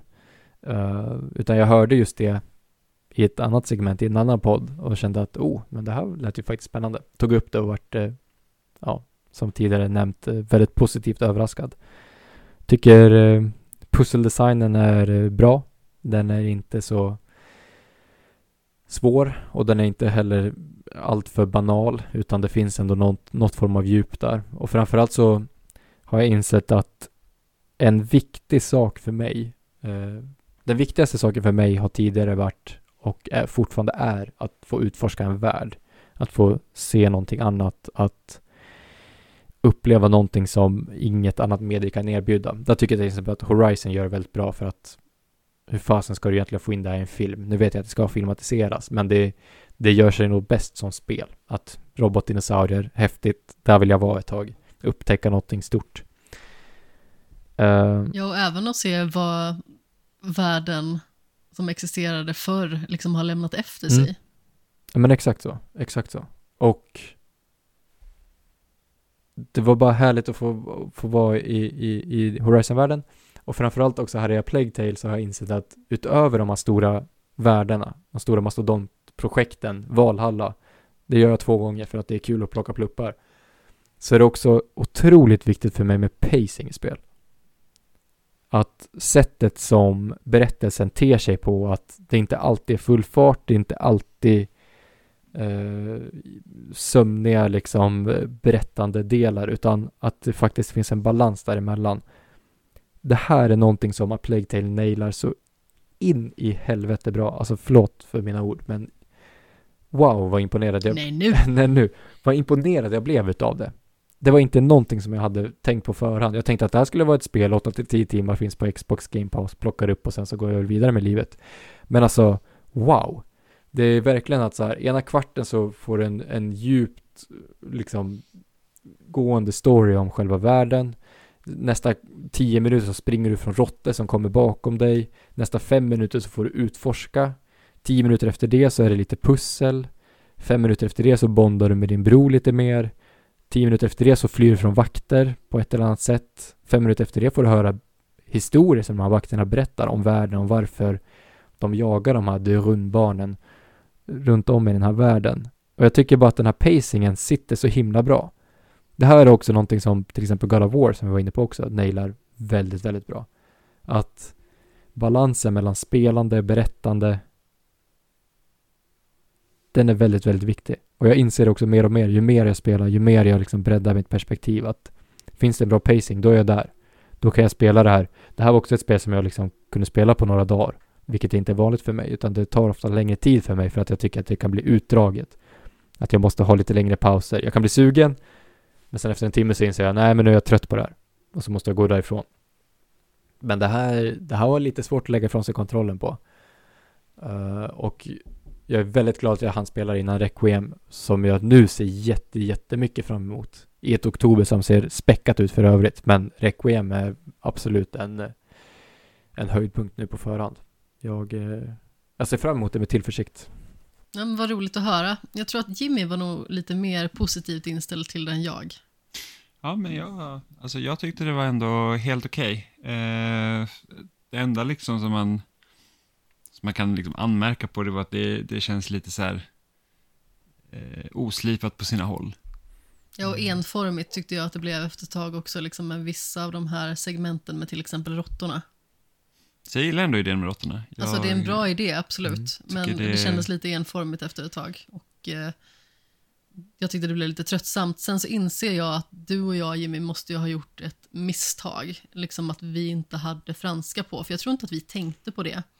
Just för Nej, att jag det tror vi körde på att... default-inställningarna och då är det engelska röster och, och, det, och då är det engelska röster som bryter med fransk brytning. Och det Eh, lät inte speciellt bra faktiskt. Det lät väldigt styltigt och eh, lite påklistrat och eh, forcerat. Och eh, jag tror att det bidrog nog till att upplevelsen drogs ner lite grann. Mer än vad det kanske förtjänade. Men eh, inför eh, Requiem så borde man då kanske tänka på att eh, spela på franska. För det är ju liksom ingenting som bekommer mig så. Eh, när det gäller serier till exempel så känner jag ju att eh, ska jag ha en serie som jag bara kan slökolla på och till exempel sitta och teckna samtidigt eller spela någonting på min switch, då är det mest bekvämt att kolla på en serie som man kanske kan språket utan till, alltså sitt modersmål eller kan språket flytande. Mm. Men eh, samtidigt så, jag skulle ju aldrig få för mig att se La Casa de Papel till exempel, där det är dubbat. Det hade ju varit fruktansvärt. Det gör ju liksom så himla mycket med tajmingen i hur karaktärer pratar, hur de för sig i liksom deras originalspråk. För att det säger ju liksom så himla mycket om helhetsbilden på något sätt. Jag gjorde mycket för immersionen. Det enda jag eh, lite kände vart en, inte besvikelse, men det hade varit en snygg detalj för att vakterna eller riddarna som också är från England i Frankrike, de pratar ju också franska. Där hade det varit snyggt ifall de hade Ah. pratat, pratat engelska och de andra franska. Men det är bara en liten detalj. Jag menar, om man nu har som defaultläge att alla pratar engelska så blir det ju lite 50-50 eller att man delar upp det sådär. Uh, antingen Man eller. kan aldrig vinna med Nej, ord. precis. Alla är förlorare i den här jävla världen. Men, eh, men eh, det hade varit en snygg liksom pricken över i. Jag hoppas att de tar upp det i Requiem för att jag tror att många spelade på franska eh, ändå. Eller det är i alla fall det jag har hört merparten har, har gjort av de jag har pratat med. Sen har inte jag pratat med alla människor i hela Sverige. Men eh, det var ett tips jag fick och det var ett tips jag gladeligen tog emot för att det vart väl lite med också att man var lite på tå. Man, man vart lite mer involverad, investerad för att man var tvungen att läsa texten. Nu har jag, alltså jag kan lite franska, men inte på den nivån som de pratar. Uh, men det var väldigt uh, härligt. Det känns som att man liksom fick resa lite utomlands för en kort stund. Engelskan är ändå liksom så integrerad i det svenska samhället någonstans, men franskan stack ut och det var en härlig upplevelse. Och just den här twisten också med att det inte är är så som man tänkt sig allting, utan att det faktiskt är lite så här Resident Evil-eskt där bakom gjorde mig bara glad. Jag tyckte det var, jag tyckte det var en toppen twist. Jag tyckte absolut att spelet hade någonting. Eh, och jag hoppas liksom att de inför det här spelet då kanske har fått lite större budget och har liksom lite mer att jobba med. Och jag tror att eh, det där liksom steget in i att ja, men, man har möjlighet att skapa en uppföljare, att det, kanske kan eh, eh, bli på den nivån som eh, man kanske hoppas att första spelet hade varit på. Sen så uppskattar ju du det betydligt mer än vad jag gjorde. Och nu är det ju ett tag sedan som vi spelade igenom det. Men jag hade, vad jag minns, lite svårt att bry mig. Och eh, det tycker jag är ganska så jobbigt. För att jag vill verkligen känna saker. Det är väldigt viktigt för mig. Är det liksom en berättelse där det är viktigt att knyta an till karaktärerna och jag inte känner någonting. eh, Då känns det som att någonstans har det gått fel. Mm.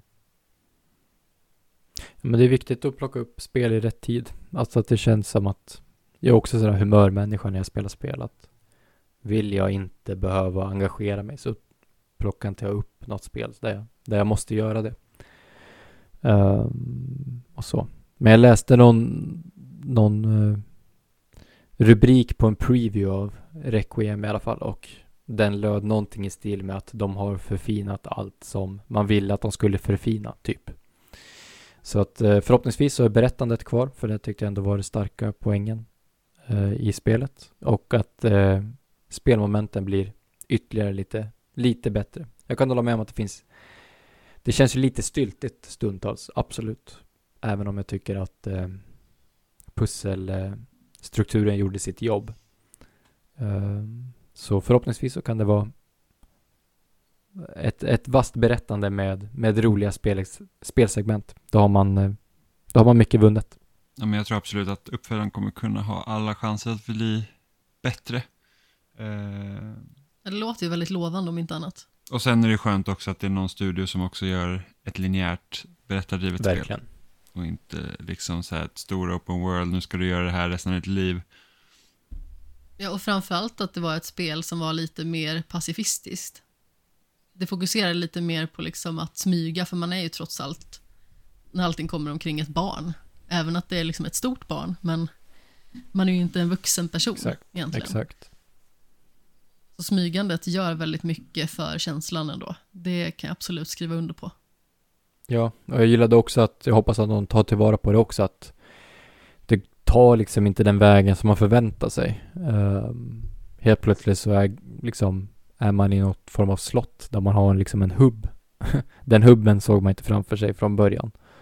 Ehm, och att det blir lite mer den vägen också. Att det inte bara är från A till B, utan att det faktiskt går från A mot B via C och kanske D, E någonstans innan man når sitt mål. Ett, eh, ett sånt linjärt berättande är toppen tycker jag.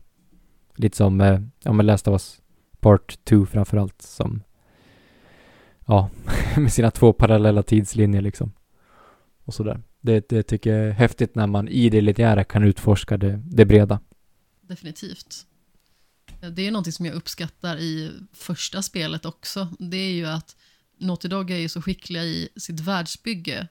Så i första delen så känns det ju som att du skulle kunna gå var som helst här.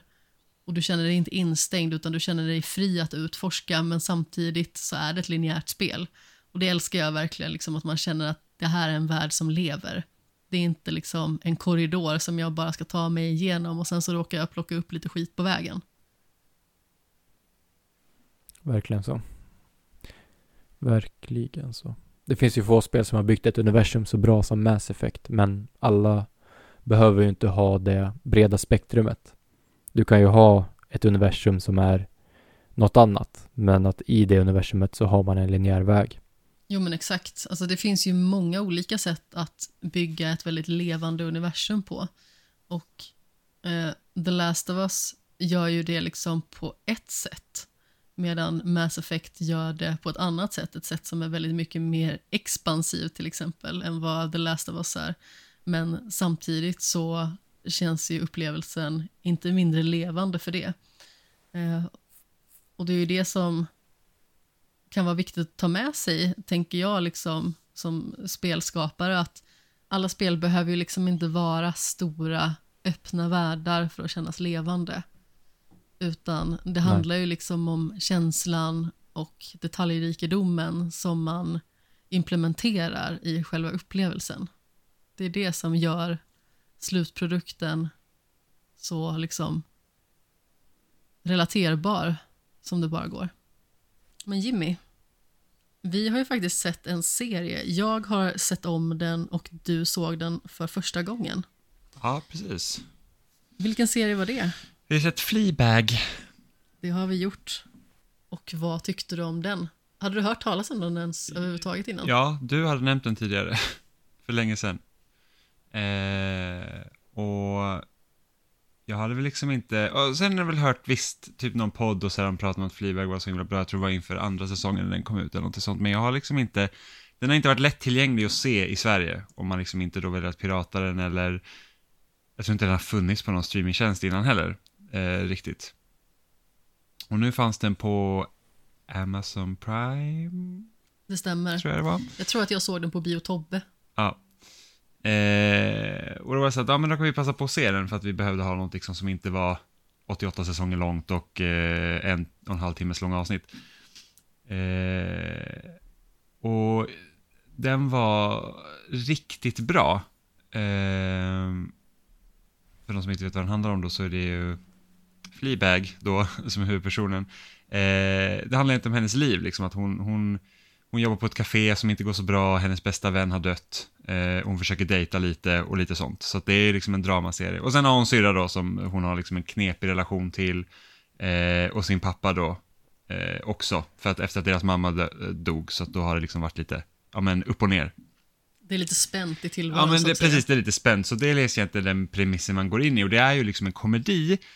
Även om den liksom, den är, den är väldigt rolig även om den inte är haha-rolig om man säger så. Det är inte som att man tittar på typ Vänner eller om en Parks and Recreation där det liksom verkligen är så klassisk komedi att vi, vi, vi lägger upp skämt här för det att skratta utan den är, den är väldigt subtil i det grejen, att det, det händer liksom ganska knasiga situationer.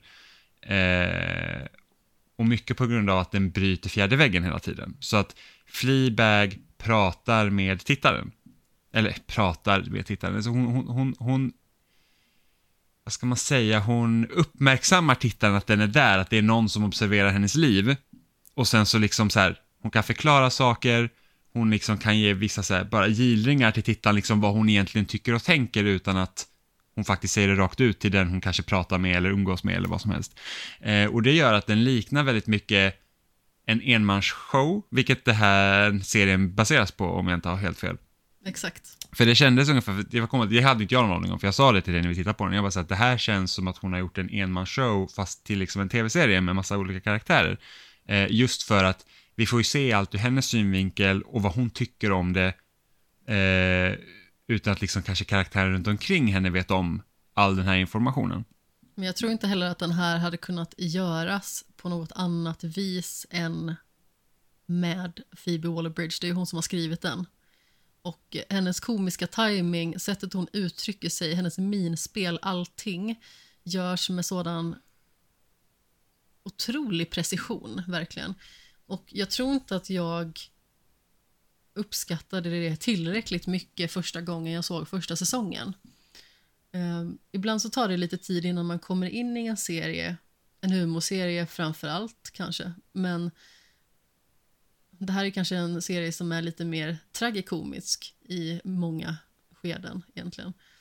Men om vi tar till exempel The Office eller Parks and Recreation eller Brooklyn 99-serier som jag älskar och som är lite mer långkörare.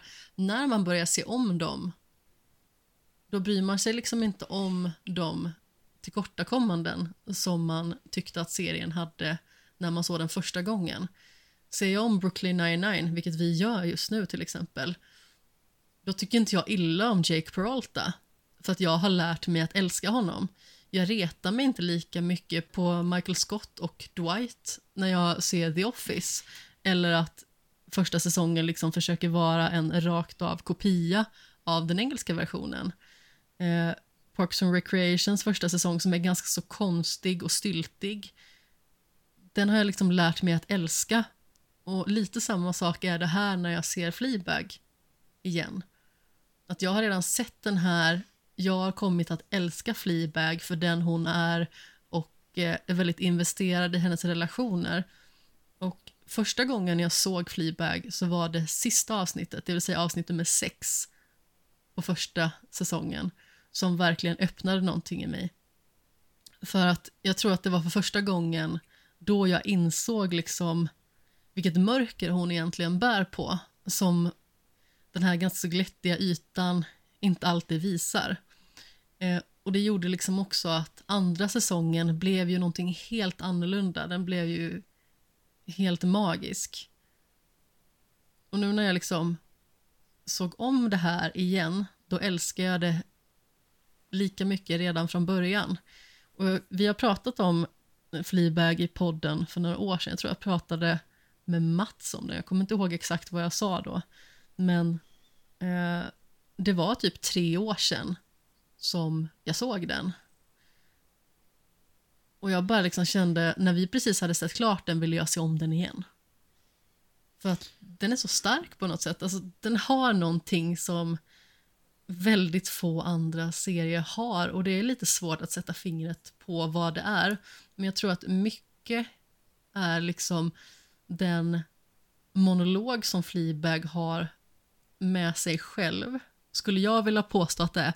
Nu har jag liksom inte studerat på någon sida på internet kring om det liksom finns något belägg för det här. Eh, men så som jag tolkade när hon liksom bryter fjärde väggen och pratar med tittaren, då är det liksom hon som svävar iväg. Hon fryser liksom rent utåt i sin omgivning mot de karaktärerna som hon är med. Hon svävar iväg någon annanstans. Så den här fjärde väggen-brytningen, den händer bara i hennes huvud. Och det säger ju liksom också någonting om henne som karaktär, någonting om henne som person. Som gör henne liksom ännu mer mänsklig och gör liksom att det finns en igenkänning där. Eller vad säger du Jimmy? Ja, alltså det är ett ganska snyggt berättargrepp eh, att göra det på för att jag tror att man involverar tittaren på ett annat sätt också. Eh, just för att det känns som att eh, vi och henne är med på någonting som ingen annan ser.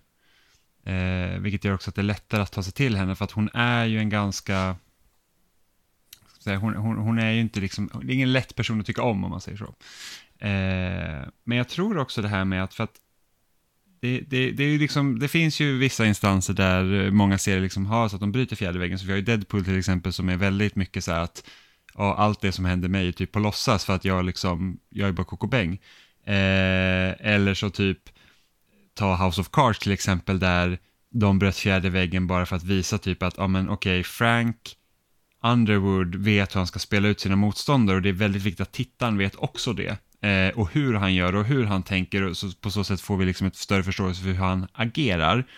Och det är lite samma sak med Fleabag, att liksom att sättet hon bryter färdväggen när hon liksom typ förklarar sig eller liksom så här att ja men det här, alltså det, det, är inte ens liksom att hon har långa monologer med tittaren, utan ibland kan det ju bara liksom vara en, en, en liksom ett, ett, hon höjer några ögonbryn samtidigt som tittar in i kameran liksom, för att ja men då fattar vi. Eh, och det, jag tror att det är det som, för att hade man tagit bort det så tror jag att serien, visst den hade fortfarande kanske varit bra, men den har inte varit lika speciell, för att det blir inte lika den här intima eh, upplevelsen som den blir just nu. Och så kan vi till exempel jämföra med She-Hulk som vi också ser nu, eller som vi började precis efter att vi hade sett Fleabag, där de också bryter fjärde väggen och man undrar lite varför de gör det. Men den serien är ju helt obegriplig.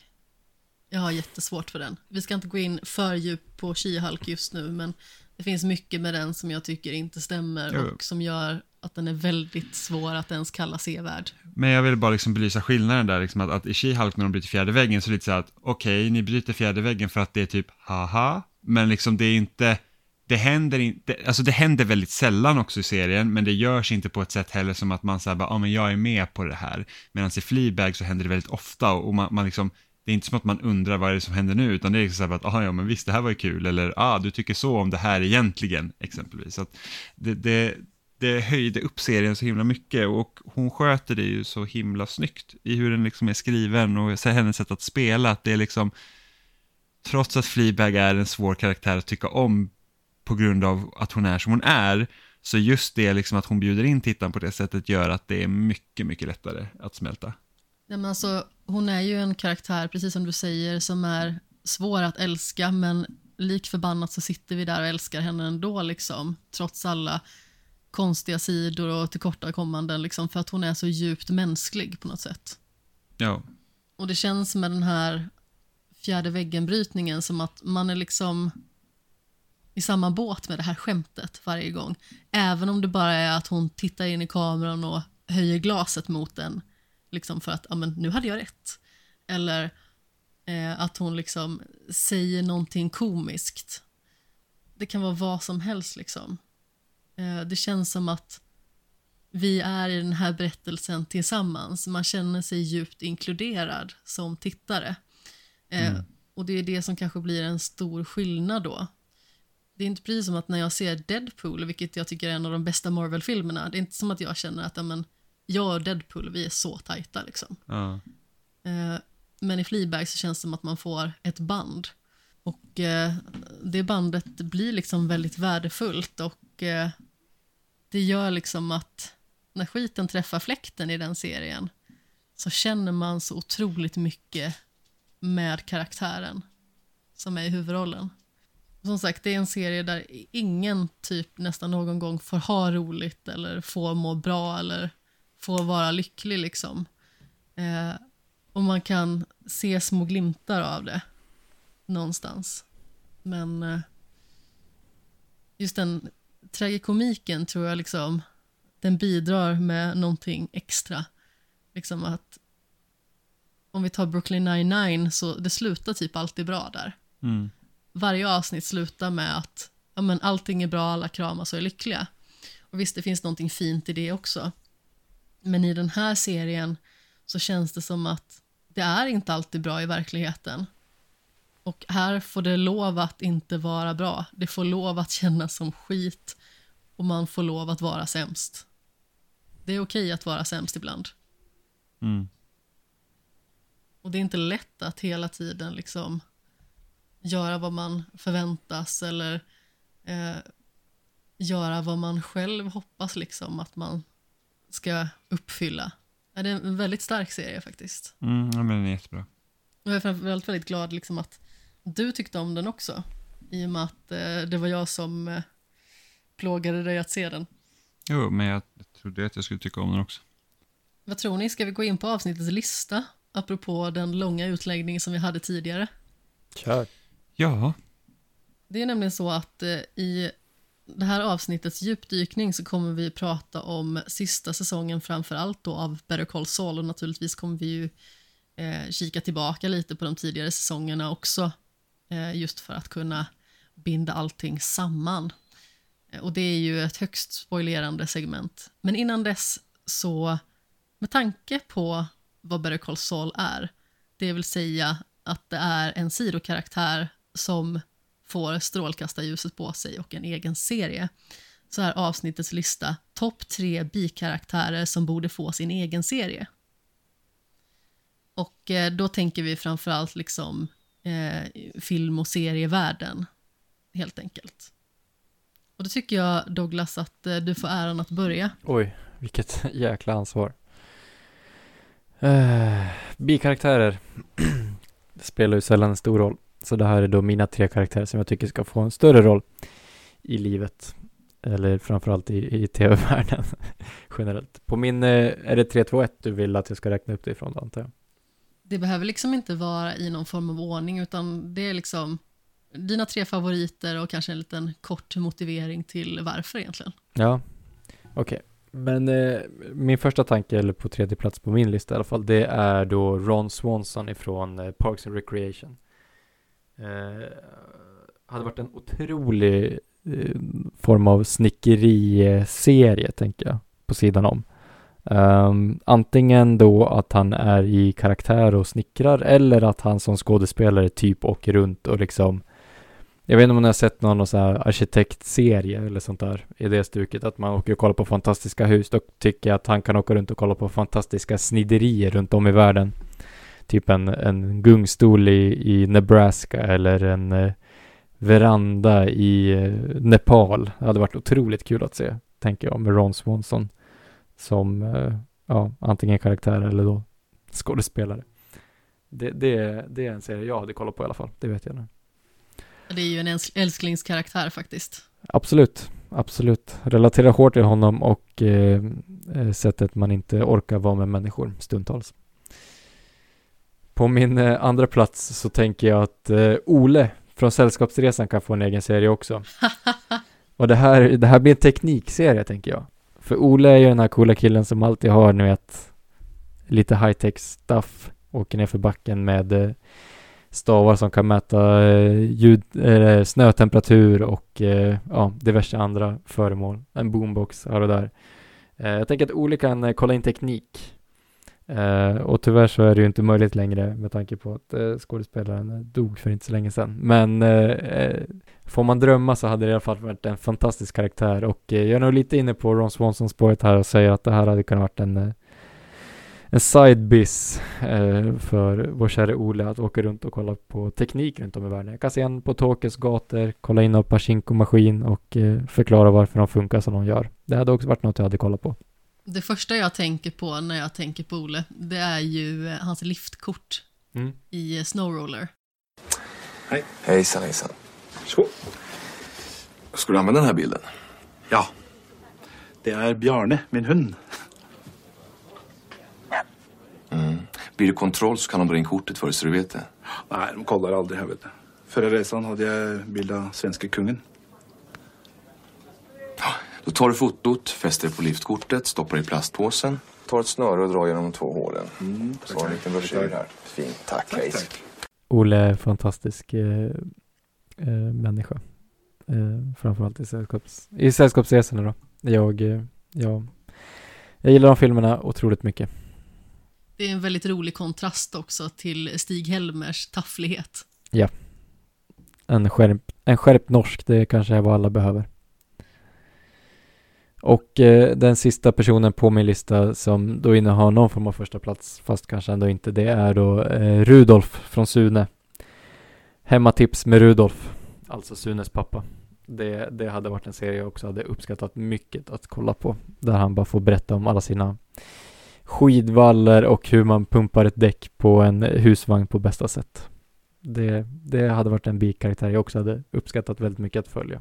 Så jag är lite inne på humorspåret överlag med mina sidokaraktärer som kanske inte kommer koppla helt in i vår huvuddiskussion alldeles strax. Men eh, ja, tre serier som eh, ja, jag vet att jag hade uppskattat. Jimmy? Ja, alltså jag, jag har ju så knepigt det här med att jag brukar ofta gilla huvudkaraktärerna i serien och jag säger bara att ja, men jag nöjer mig ganska bra där. Eh, Det är samma sak i spel också. Ja, ja, precis. Jag är ju, jag är verkligen så att, ja men jag gillar, jag gillar den man spelar och sen så... Marcus Phoenix. Ja, men- ja, Marcus Phoenix, det är my boy. eh, nej men det är typ så här att, skulle jag få välja mellan Mario och Luigi så väljer jag Mario för jag tycker inte om Luigi, till exempel. Mario duger för mig. Eh, sen, så, sen så, jag vet att vi hade det här typ på loading, vi hade våra så här sommar eh, tjosafräs där och då skrev jag liksom att jag är Mario i spelform för att jag tycker liksom ofta om huvudkaraktären och då trodde ju folk att jag spelar bara som Mario när det liksom finns möjlighet. Så startar jag Smash så är det Mario som är mest intressant. Nej, så är det inte. Men, Alla men, vet att det är Marth som är viktigast. Eh, Men, men jag tycker liksom om, eh, alltså jag, fäster mig vid en huvudkaraktär liksom. Så det är inte som att jag drömmer om att få spela den där karaktären där borta som typ emo-kidsen gillar. Eh, Tittandes på mig. ja, precis. Eh, men eh, bara för att ni liksom inte kommer att prata om Better Call Saul så att när de ändå har öppnat upp Breaking Bad-universumet som de gör så hade jag gärna sett en ung Gustavo Fring. Eh, vad gjorde han liksom innan han kom till USA? Eftersom det ryktas att han var på flykt och grejer liksom. Ja, jag trodde faktiskt att du skulle säga Kim Wexler. Jag tänkte Kim Wexler, men jag tycker att hon fick sånt jävla... Alltså hon har en sån jäkla bra resa genom hela Better Call Saul, så att jag känner att hon är liksom klar. Ja, det, det är lite som att sant. säga så här, jag hade velat haft en spin-off med Jesse och det är så här, bara, ja, alltså han är också färdig även om hans slut var väl kanske lite halvdant. Eh, men, men jag tror att det hade varit eh, intressant. Frågan är bara vem hade liksom spelat en ung Gustavo Fring för att eh, han, är, han gör ju sitt jobb så jävla bra så att det är liksom svårt att få någon annan liksom att komma upp till den. Man vill ju inte ha en, ha en solo-grej liksom. Nej, det blir faktiskt väldigt märkligt. Ja, men precis. Eh, så så att det hade jag gärna velat se och jag, eh, jag gillar ju liksom den värld Breaking Bad befinner sig i. Jag tycker att den är, den är väldigt bra. Eh, sen är min andra person så är det hon, eh, och det, det här faktiskt eh, grundar i Netflix Marvel-serier. Eh, så är det hon Claire som var då, eh, inte läkare men hon var väl typ sjuksyster eh, va? I, i de serierna tror jag. I början på Daredevil säsong 1 så var det liksom mer åt, åt liksom att okej, hon, hon blir liksom den här då sjuksystern eh, liksom, ah, som tar hand om liksom superhjälteskador. Liksom att de kommer till henne för att hon, hon vet vilka de är och då får hon liksom, ja, eh, hon säger inte liksom till någon myndighet att här har vi liksom en konstig person som Men för visst är det så att hon har typ ihop det med de flesta av dem Nej, alltså, jag, jag tror, nej, jag tror det är två. Jag tror det är Luke Cage och sen någon i... Det är väl någon i Daredevil, tror jag. Eller om det är Jessica Jones, jag kommer inte ihåg. Men det, jag tror det är två stycken, men hon har bara ihop det med Luke Cage som en av huvudhjältarna. Har hon inte ihop det lite kort med Matt Murdock också? Jag vet inte om de kanske pussades någon gång, men jag tror inte att det händer mer än så.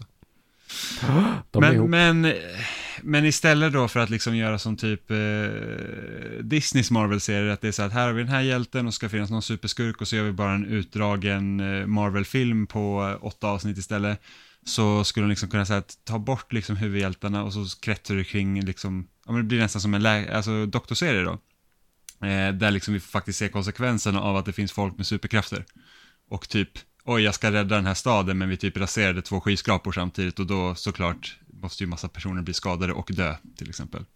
Vad oväntat Jimmy att du kommer med en sjukhusserie. Jag älskar sjukhusserier, det är så jäkla nice att titta sjukhusserier. Grey's Anatomy, House, eh, finns det mer? Scrubs. Har du liksom, där har du grejer. Så att jag, eh, det, men det hade varit kul för det hade varit en annan take på hela superhjältegenren istället för att bara liksom mata oss med exakt samma sak om och om igen. Vilket låter ganska ironiskt med tanke på att jag typ helt varit inne i Marvel de senaste åren. Men jag känner att de här Disney Plus-serierna är så här bara att okej, okay, men nu, nu, nu börjar det liksom bli lite på gränsen till för mycket. Eh, jag tycker nästan att den gränsen har passerats. Mm. Om jag ska vara helt ärlig. Det är ju för att, att och tittar man typ på de bästa Disney Plus Marvel-serierna som jag tycker då, så är det så här Falcon and the Winter Soldier. För att... Loki.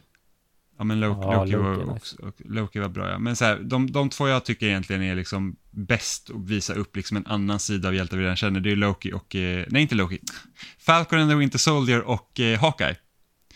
Liksom vi får se Hawkeye, han, liksom, okay, han har varit med nu x antal år, han har problem med hörseln, det, det är liksom allmänt hårt liv för honom. Och sen har Han vi är Fal- jävligt trött framförallt. Ja, ja men precis. Och sen har vi Falcon and the Winter Soldier där liksom att okej, okay, men nu ska jag vara nya Captain America och vad betyder det? Liksom. Eh, det gillar jag. Istället för typ såhär Moon Knight och nu She-Hulk och man säger bara aha. Jag tyckte ändå att WandaVision hade någonting. ja. Jag vet att du var inte lika kär i den Jimmy, men jag tyckte att Ja, eh, ja, jag- uppbyggnaden var väldigt fin. Jag, jag gillade inte WandaVision. Jag tyckte att den var... Nej, jag tyckte inte alls om den. den Jag den, älskade den, WandaVision. Jag tyckte den gjorde något kort- nytt. Det var härligt. Ja, men alltså de, de experimenterade lite med den, men den kunde kortats ner betydligt, känner jag. Eh, så Ja, att, typ ja, alla de här serierna hade kunnat vara typ fyra avsnitt. Ja. Ja. Men, Men så har eh, ju, om man, om man, om man tittar på She-Hulk till exempel, så skulle de ju kunna göra någonting annat där med tanke på att hon, så här, hon är inte speciellt intresserad av att vara en superhjälte, hon är liksom en advokat först och främst. Men eh, de har lite svårt att släppa liksom sin formel. Den blir för fånig och banal helt enkelt. Sam, samma sak med Moon Knight, den var ju liksom också, den kunde också haft någonting, men jag vet inte riktigt, de, de sjabblar bort lite med att de måste ha liksom en stor skurk till allt. Det liksom måste Mm. vara den här stora liksom, skurken som kommer i slutet. Eh, och, och det är liksom så här att CGI-fest på CGI-fest, och det blir så här att, ja men alltså, man får inte riktigt komma karaktärerna nära. Det är det jag till exempel gillar med Sam Raimis eh, Spider-Man-filmer. För de känns inte som liksom dagens superhjältefilmer, utan det är liksom mycket som att Peter Parker är i fokus och hans relation till de här som kommer bli skurkarna. Eh, och sen så visst, det är lite fighter och sånt också, men det är inte liksom, om man tar typ slutet i första Guardians of the Galaxy-filmen till exempel, det bara exploderar av massa liksom datorgenererat strössel. Det blir liksom så här att, ah, okej, eh, du hade ändå ingen relation till den här superskurken, men nu har ni räddat världen, kul för er. Eh, Medan liksom, alltså Peter Parkers relation till både eh, Norman Osborn och eh, Ada Octavius är ju liksom, det är ju det, är det som ligger i centrum för de filmerna och det är det som gör dem så himla bra. Eh, så att det, det saknar jag. Och sen min sista, det får bli en lite mer plojig grej och det är ju så här Samwise Gamgee och hans så här The Great Middle Earth Bake Off som en spin-off när han får laga en massa lembas bread då. Magnifik. Vi gillar ju en god bake-off alltså. Ja, men precis. Bake Off är jättebra. Och så här kan vi ju se dem då laga massa skojig mat. Ja, ni har ju varit lite kluriga och faktiskt eh, placerat karaktärerna i liksom specifika kontexter och jag har inte varit riktigt så kreativ. Men eh, mina tre är eh, först och främst Raymond Holt från Brooklyn 99. Eh, men han blir framförallt väldigt rolig med sin torrhet när det liksom kontrasterar till andra karaktärer. Så jag tror att i en serie där han är i fokus så behöver han också ha flera karaktärer runt omkring sig som är lite tokroliga, som liksom inte besitter den här torrheten. Alltså tänk typ en Jake Peralta eller Terry. De har ju liksom ett helt annat känslospektra att visa än vad Holt har. Så jag tror att de här kontrasterna blir väldigt viktiga i en serie som handlar om Holt. Just för att han har ju liksom ett sätt att uttrycka sig som är fantastiskt roligt. Men det blir ännu roligare i en kontext där folk är så otroligt oförstående. Det klassiska exemplet som vi brukar ta upp Jimmy, det är ju liksom när de har sovit över hela natten på polisstationen och eh, Jake liksom säger till Holt att hur kan du fortfarande se exakt likadan ut? Och eh, då helt stenansikte säger Holt, vad pratar du om? Mitt hår är en enda röra. Och han är ju liksom snaggad. Och det är liksom så fantastiskt kul. För att det är så orimligt. Men det blir ju extra kul för att det är så stora olikheter i relation till karaktärerna som är runt omkring honom. Eh, och min andra karaktär är Carolyn Martens från Killing Eve. Spelad av Fiona Shaw som gör en helt magisk rollprestation. Ehm, det här är en vansinnigt intelligent agent hos Storbritanniens underrättelsetjänst och eh, som alltid har en klurighet, underfundig förolämpning eller en dräpande rolig kommentar i bakfickan. Så jag tror liksom att någon form av alltså typ spionserie eller dylikt med henne hade varit alla tiders. Eh, hon är ju lite på samma spår, att hon har liksom en torrhet men hon har liksom också den här underfundigheten och sättet liksom att bara mangla en person med fotknölarna med en och samma kommentar. Alltså det är så löjligt roligt. Jag kommer inte riktigt ihåg vad det var senast i säsong nummer fyra, det vill säga den sista säsongen av Killing Eve. Men eh, jag och Jimmy satt ju flera gånger dubbelvikta kring alla hennes kommentarer. Och eh, jag tror att så pass långt in i serien så känner nog vi båda två att det är mycket hon som gör den. Mm. Hon är liksom en av de viktigaste beståndsdelarna till att den serien fortfarande är väldigt rolig. För att när man följer henne så har hon så himla mycket att komma med. Och det är det som är så himla fint också, både med Carolyn Martens och Raymond Holt till exempel. Eh, och även Ron Swanson som du nämnde innan. Det är liksom karaktärer som har liksom ett väldigt annorlunda förhållningssätt till sin omvärld. Men någonstans är de ju inte helt omöjliga. Och i de kontexterna som de sätts i så blir de så otroligt roliga. Även att det liksom kan vara på ett väldigt torrt sätt.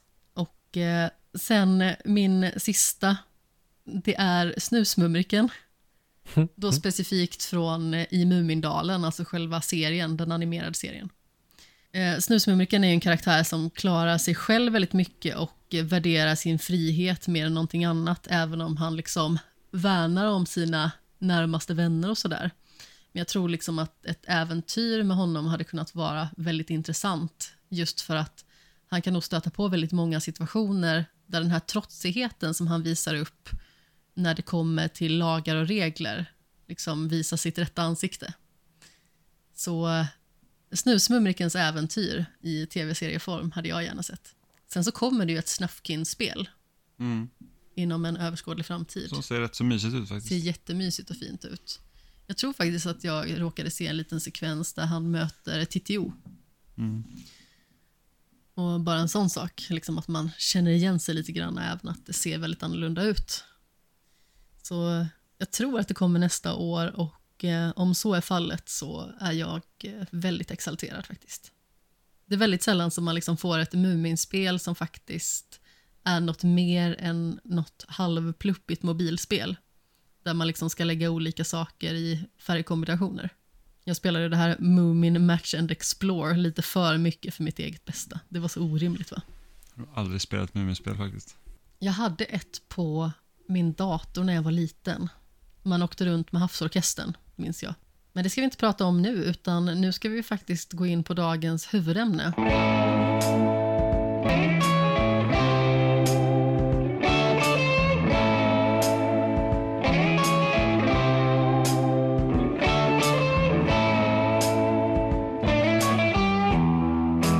är det faktiskt dags för Better Call Saul. Och vi vidrörde ju den här serien lite grann i våras när eh, den gode Anders Brunlöv var på besök.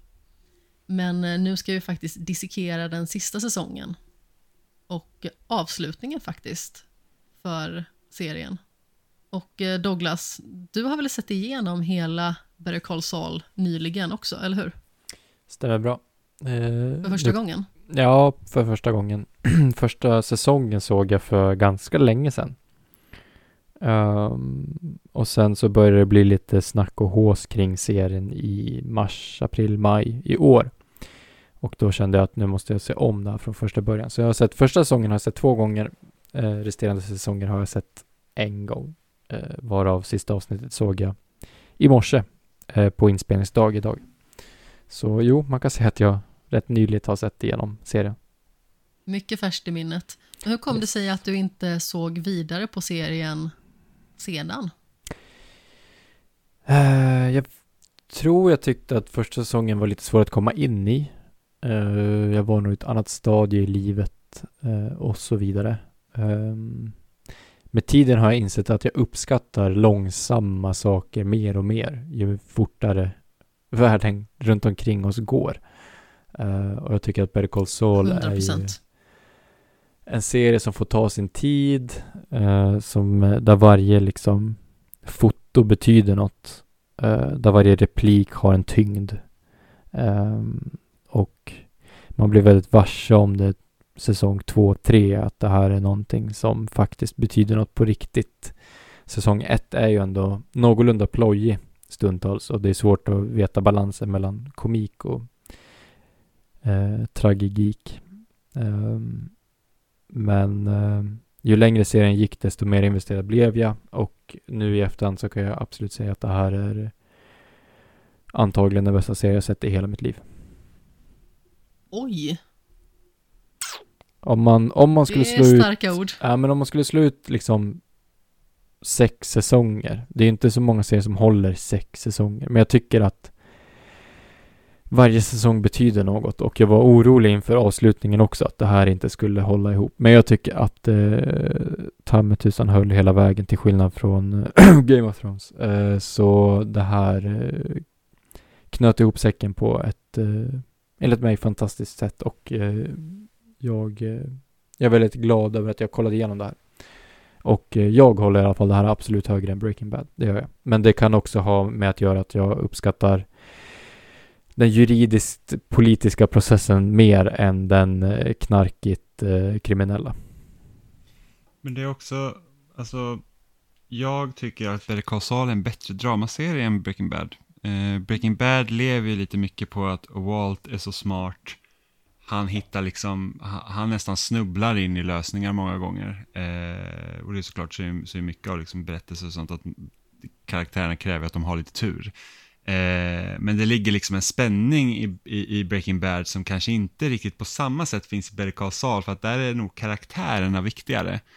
Eh, för Jimmy McGill har ju liksom inte den här Alltså han, han, han kämpar inte liksom mot klockan på något sätt som Walt gör. Walt har ju liksom det här tydliga målet i början medan det finns ju liksom inte riktigt Better Vi ska ju liksom se honom egentligen bli den person han är i Breaking Bad.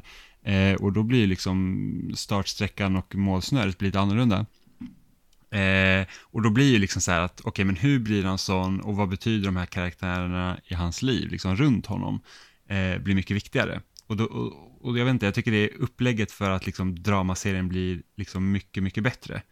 Eh, liksom relationen med, alltså bo, mellan ha, eh, Jimmy Gill och Chuck. Och det var ju någonting som, mm. för att du sa liksom att första säsongen var lite så här, ah, att, att det var svårt att komma in i och det tyckte jag också första gången jag såg det. Men nu när vi såg om det här i våras, då var det så här att okej, okay, men jag uppskattar deras relation mycket bättre för att nu vet jag liksom lite vad som kommer hända. Eller så här mellan Jimmy och, och, och Kim, liksom är också så en jättestor grej. Men även när vi får se liksom äldre eh, Breaking Bad-karaktärer också, som Mike och liksom hela hans resa är också så här jättebra skildrad ja. i liksom den här serien. Så det är ju inte bara liksom Jimmy McGill ser sig att bli Saul Goodman, det är verkligen för att sätta upp brädet för det som en gång kommer bli Breaking Bad. Eh, och att man ändå liksom lyckas få det så spännande på karaktärer vi vet inte liksom egentligen ligger eh, pyrt till, alltså de kommer inte dö för att de lever liksom senare, eh, så får man ändå in den här spänningen för man är bara intresserad över liksom så att okej okay, men hur löste de det eller liksom att hur påverkade liksom de här händelserna karaktärerna? Eh, så att det, nej den, den var liksom så att jag tyckte verkligen att de nailade eh, alla liksom människor runt omkring eh, huvudkaraktären. Ja. Det finns ju en väldigt tydlig nerv i liksom den här relationen mellan Chuck och Jimmy i och med att de är liksom så diametrala motsatser till varandra. Jimmy är ju liksom den här kaotiska personen som behöver liksom få styrsel på sitt liv. Medan Chuck är en karaktär som har liksom haft styrsel men sedan så med tanke på hans eh, psykiska tillstånd så klarar han liksom inte att hantera det på eget vis. Och just liksom det här att eh, han fortfarande, trots att han ändå är i ett ganska så svagt läge, Chuck, att han hela tiden eh, underminerar Jimmy. Liksom att han tycker inte att han är värd lika mycket eller att hans kunskap är värd lika mycket. Eh, hans bajs är liksom inte lika fint som hans eget på något sätt. Och just att serien inte slutade i ett spektakel. Liksom att det fick fortfarande vara den här, ja men det var dramat som sattes i centrum. Ja. Vilket jag tyckte också var väldigt trevligt. Liksom, visst, alltså Breaking Bad hade ändå ett bra avslut, men det, liksom, det byggde verkligen upp till den här finalen. Eh, Medan i, i Better så var det liksom så att det var inte fokus på, vad ska man säga, själva händelsen, det var, fort, det var liksom fokus på de här två karaktärerna egentligen. Och liksom så här, vart slutade de egentligen? Och hur, liksom, hur tar de det? Liksom för Jimmy var det liksom egentligen att egentligen ta ansvar för det han gör. Istället för att bara försöka dribbla bort det, så att säga. Eh, vilket jag tyckte liksom var otroligt passande för karaktären. För det var ju svårt på förhand att veta liksom, hur ska de egentligen avsluta den här. För att vi har ju, vi teasades ju med liksom de här framtidsscenerna från första säsongen egentligen. Liksom att vi vet att det är en del som utspelar sig efter Breaking Bad och den får vi se väldigt lite av tills den här sista säsongen då vi liksom får se mer och mer av det. Eh, och till slut så liksom har vi kommit ikapp händelserna i Breaking Bad och vi liksom egentligen spolas fram till att okej, okay, men vad hände med de här, eller vad hände med Jim McGill egentligen? Och då får vi även liksom ett avslut för eh, Kim Wexler till exempel som egentligen är seriens, alltså riktiga stjärna, om man säger så. Eh, och jag är bara så glad över att de inte gjorde liksom det till någon så här grandios, liksom nu ska vi nu ska vi överträffa oss själva på, på liksom ett stort plan, utan det är liksom så här, okej, okay, men vad, vad, är kärnan i den här serien och hur, hur kan vi liksom se till att slutet håller till sig till samma grej? Så att jag, jag var så otroligt nöjd över hur det slutade. Mm. Ja, det blev liksom inte någon överdrivenhet och någonting dramatiskt i slutet som man kanske var lite rädd att det skulle bli. Det var ju liksom inte att det spelas någon form av powerballad i bakgrunden liksom och så blir det någon form av emotionell återförening utan det är ju väldigt bittert. Det gjorde mig också glad någonstans att se att i ett rättssamhälle att alla får det man förtjänar någonstans. För att Jimmy är ju en skurk redan från första början. Han är ju världens liksom bästa antagonist någonstans. Att det är liksom han vill så mycket, han får så mycket, men han bryter mot lagen så mycket att det kommer straffa honom förr eller senare och att han ändå i sitt fördärv lyckas lyfta den människa som betytt mest för honom. Det var så jävla, det gjorde så ont i hjärtat. Alltså, den här serien har ju fått mig att inse att alla människor, eller egentligen många människor, jag kan inte liksom dra alla över en kam, men alla har någonstans en egen Kim Wexler ute i världen och det gäller liksom att hitta den personen att hålla fast vid den personen och att bara få ut så mycket som möjligt av livet tillsammans med sin Kim Wexler för att det finns en så tydlig bild i den här serien och det är sekunden när Kim säger att hon måste ta tag i sitt liv, att vi är dåliga för varandra och jag kommer flytta nu. Och då ser man en ryggtavla utav Jimmy. Och det är liksom sista ryggtavlan du ser utav Jimmy, för där går, går han in i sin roll som Saul. 100%. Och sen så följer det liksom fem, sex avsnitt där han bara är Saul Goodman och eh, där Kim inte känner igen honom överhuvudtaget. Han är en helt annan persona.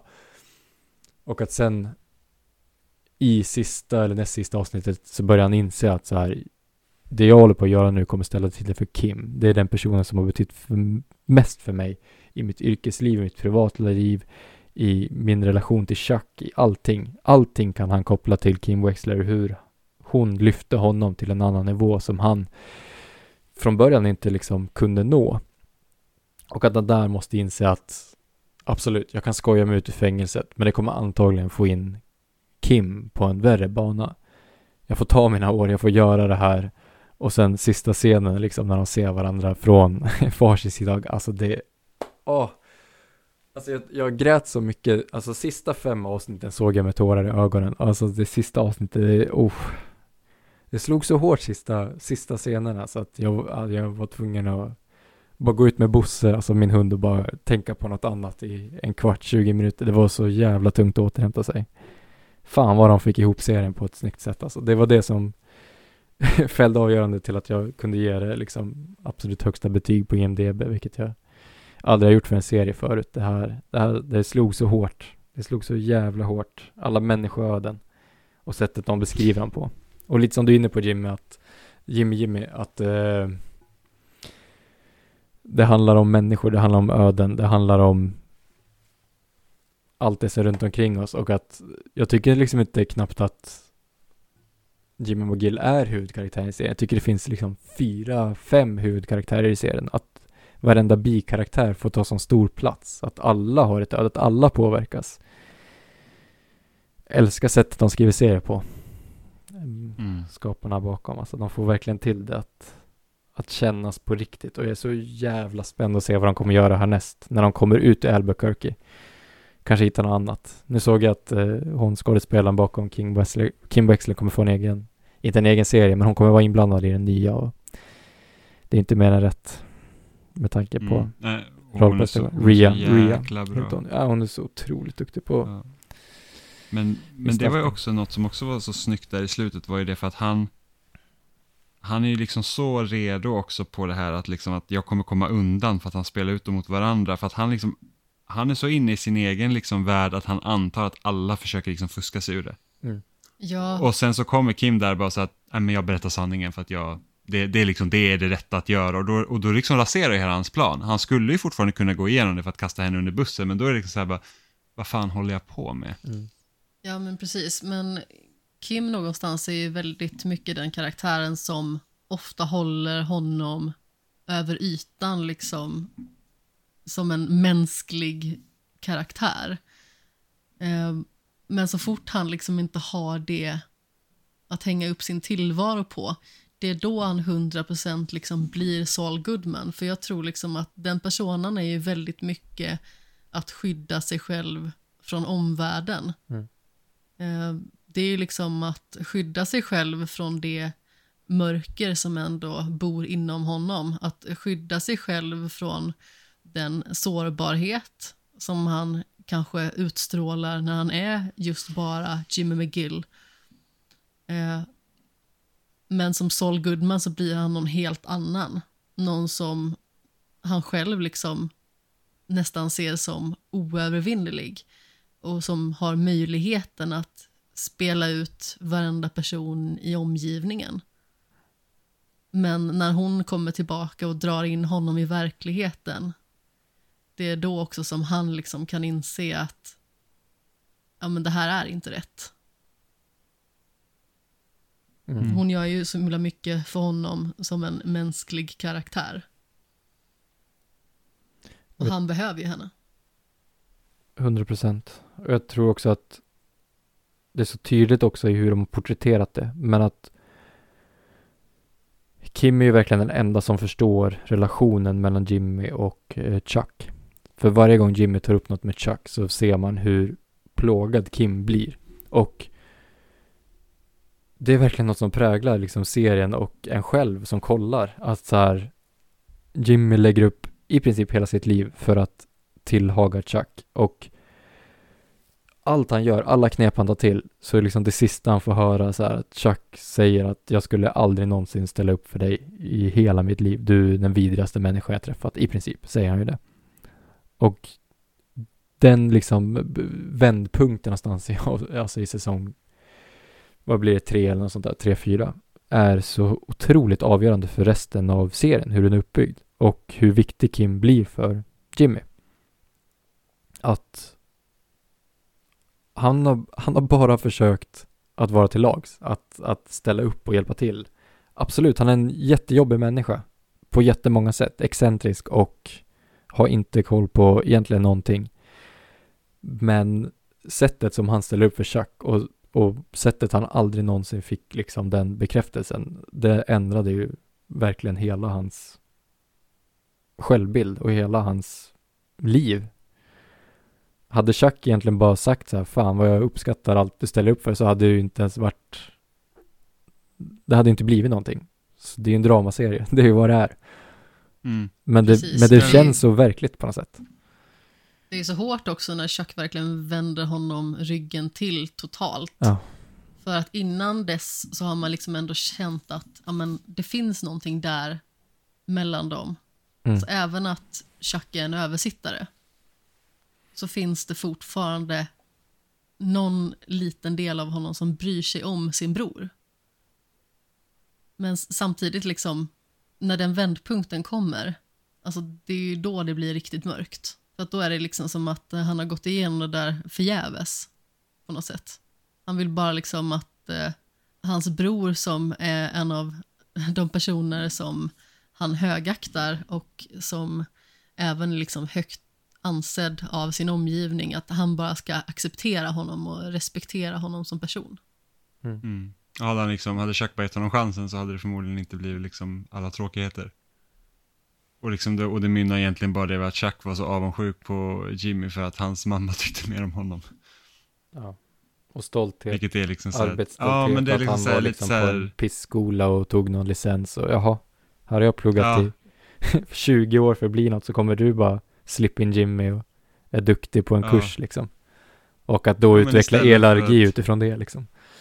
Ja, ja, men istället för att liksom bara säga att, ja men bra liksom att du, för att det verkar liksom som att Chuck vill att Jimmy ska vara också problembarnet så att han kan få vara bättre. Exakt.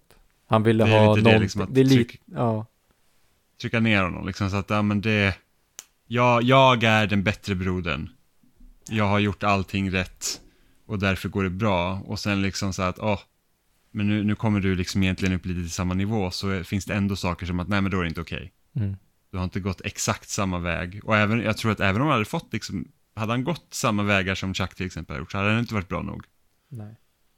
Så att, ja. Nej, för Chuck hade förmodligen alltid hittat någonting som var fel på honom, oavsett. ja. Det är lite som, eh, kan komma tillbaka till våra listor vi pratade om förut, att för jag kan ju känna så också i hushållet till exempel, att det jag har kontroll över är ju liksom mina spelkonsoler och lite sånt där. Där kan jag ha ordning och reda och så vidare. Så om någon person skulle komma in och peta i det, att liksom nu kommer de ändra ordning, nu kommer de installera saker som inte jag har installerat. Och tänkt andra tankar för de saker som jag äger, som är mina, liksom, de ändamål som jag äger i min sfär, så att säga, i mitt hushåll och sådär. Om någon kommer in och petar i det, man vet ju inte hur man skulle reagera. Och sen så vart det ju så dramatiskt för Chuck allting med det här med liksom sitt uppbrott från sin, sin fru och allting också, att det liksom vart så stort allting. Och alla älskar Jimmy och ingen älskar Chuck, för att Chuck spelar efter regelboken, jätteduktig advokat, men Jimmy, han är supercharmig. Och det kanske Chuck saknar liksom. Den, den dynamiken, den balansen var också otrolig att bara följa eh, vägen igenom. Jag tycker också det är så snyggt att det inte är hela serien. Att när man har kollat serien sex säsonger efter, alltså det känns som att jag kollar på den här serien i 20 år och bara följt öden från start till mål, men att det har blivit nya öden efter varje säsong, att det har liksom ett avsnitt var liksom en timme, men det tog typ tio minuter att kolla igenom, kändes det som, för att det hände så otroligt mycket, var så intressant. Samtidigt som att så här, man har verkligen följt med på en resa.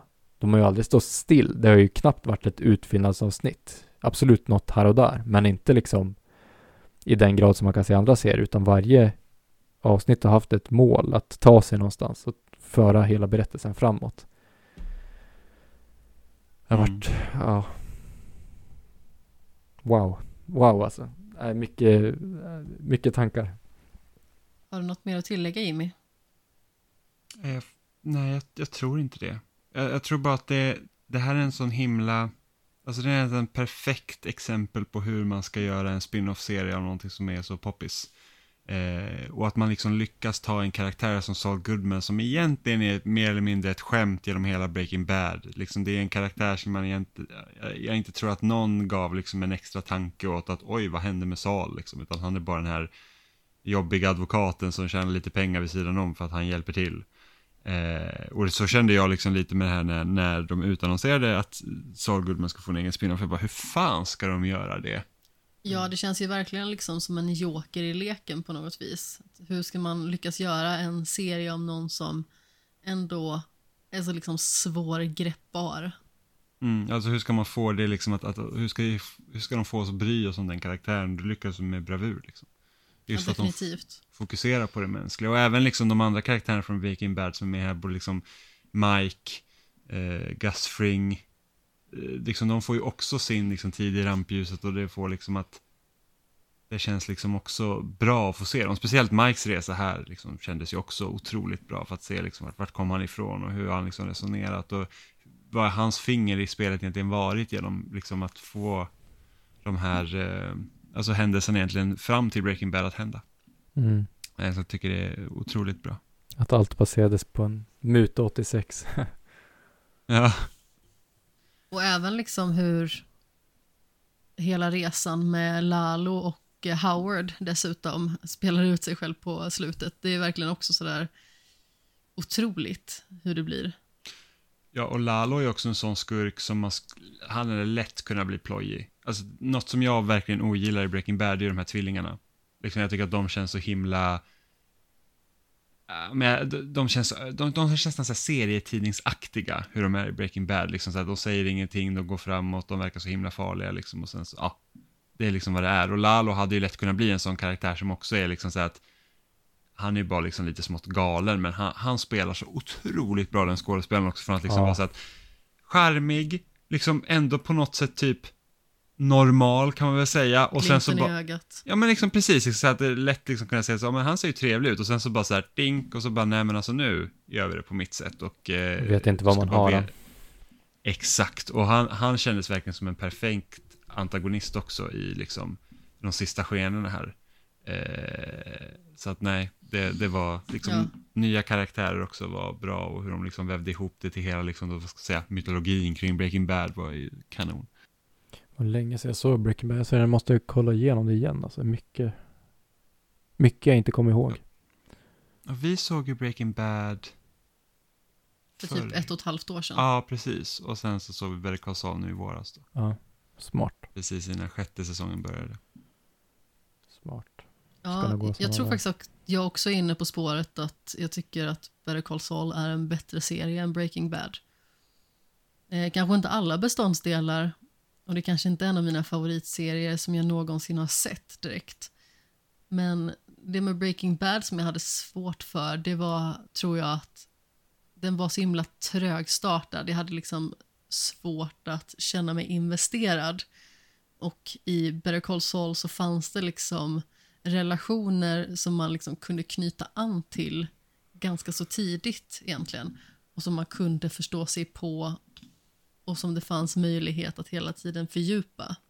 Mm. Jag tror första gången, det har jag säkert sagt tidigare, som jag brydde mig om Breaking Bad, det är ju när de här onda tvillingarna attackerar Hank. För då kände jag att nu börjar det bli spännande.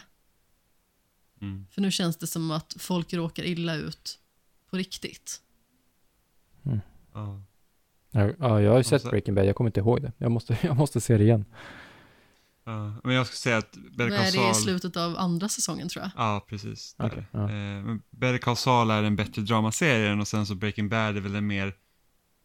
Dess premiss är enklare att ta till sig och det är liksom, den är väl mer spännande på det Mm. sättet, även om det finns några riktigt så här hårresa situationer i Better Call Saul också. Eh, men jag tror att jag tror att premissen sålde in Breaking Bad väldigt bra. Liksom, du har den här läraren som liksom har egentligen gjort inte mycket för när i livet liksom. Han, han, han är lärare och det är det vad han är. Eh, och sen får han cancer och kan inte betala räkningarna och sen så, liksom så blir han någon så här eh, drogkingping och det sätter ju liksom en, en, vad ska man säga, en vanlig person i en extraordinär situation. Och jag tror att Breaking Bad fångar in mig ganska tidigt det här med att de hade ju liksom eh, vad ska man nästan säga, förgifta den här personen i, i deras liksom van då, som gör att de liksom lungorna typ fräts sönder. Och så har de honom i källaren och så liksom så här bara, okej men vi måste nog ha ihjäl den här personen. Och fortfarande försöka på något sätt, nej men alltså det, det är sjukt, det kan vi inte göra. Och sen liksom försöka säga att, hur kommer vi ur den här situationen utan att någon måste skada sig? Och det är så att, ja men nu är det, nu har du liksom, du har stegt, liksom, du har klivit in i en värld där det inte är möjligt längre. Du har redan passerat gränsen. Ja, men precis. Och det är liksom så att det är liksom den premissen som fångar. Lite som typ, som Prison Break, liksom när den serien kommer och bara så att okej, men vi har en person som ska bryta sig in i ett fängelse för att sen liksom bryta sig ut ur fängelset. Han kan inte bryta sig in, han ska komma in i fängelset för att sen bryta sig ut och han liksom planerar allting med tatueringar på kroppen. Det var också så här, man bara wow, liksom så här, shit vilken spännande liksom, idé. Uh, och lite så fångar Breaking Bad. Medan Better Call Saul blir så att okej, det är en serie som kommer ur Breaking Bad, därför ska du se den och sen när man börjar se Better Call Saul så bara wow, det är liksom, den är, den är liksom bara fantastisk. Ja. Det var också, innan vi avslutar bara, ett människoöde jag inte trodde skulle påverka mig så mycket. Det var faktiskt Howard. För att Ja, det var en karaktär jag liksom egentligen aldrig kopplade till. Tills han dog. Och kände att så här. Oj. För att i avsnittet innan så någonstans, det är ju först där man får reda på att hans liv inte är så jävla flott som han får det att verka som. Mm. Att han har det ganska tufft. Att han inte... Han är en renlevnadsmänniska som bara försöker få det bästa ur varje människa, varje situation. Han är trevlig mot både Chuck och Jimmy eh, och bara allmänt liksom hyvens. Och han av alla råkar liksom illa ut bara för att han är på fel plats vid fel tillfälle. Och att det här lilla sprattet blev så mycket större. Mm. Ehm, Ja men det blir liksom för honom, för hans del, det är så orättvist. Ja. Det är liksom här, ja.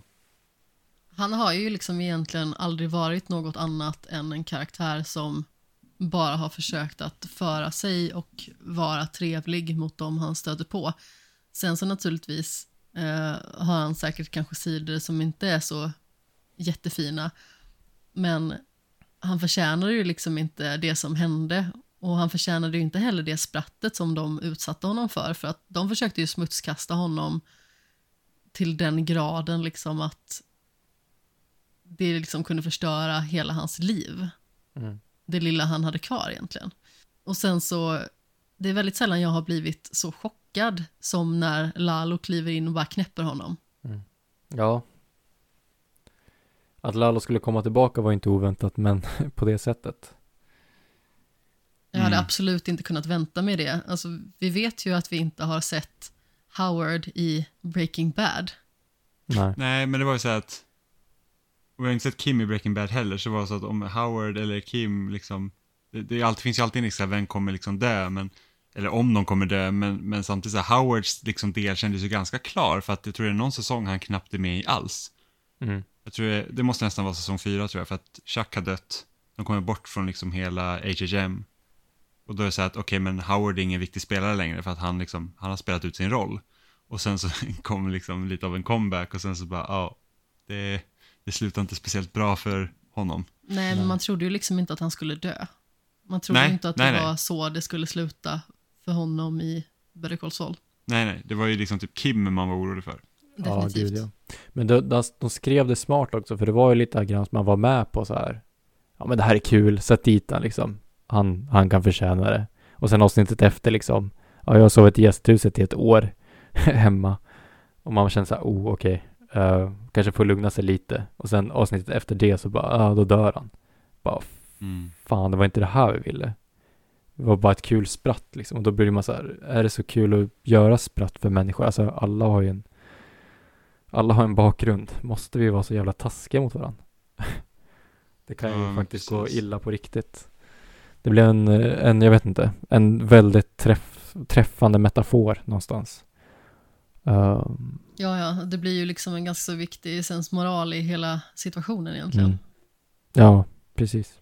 Så, alltså, jag tror den här serien är för alla som gillar lite liksom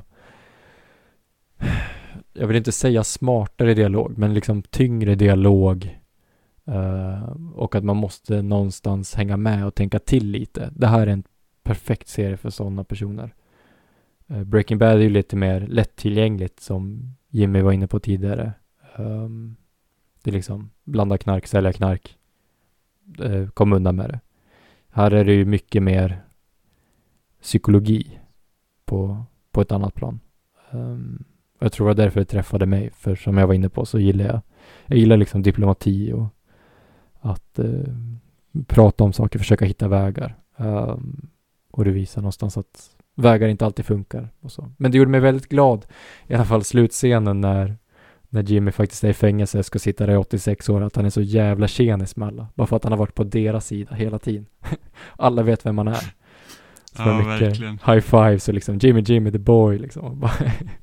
Går runt som en kung där inne. Han hittade hem någonstans också, samtidigt som han En av oss. Exakt, så han hittade hem och samtidigt som Kim antagligen får det bra eh, och så. Så det vart liksom ett, ett lyckligt melankoliskt slut. Det vart liksom både jobbigt fast lätt på något sätt.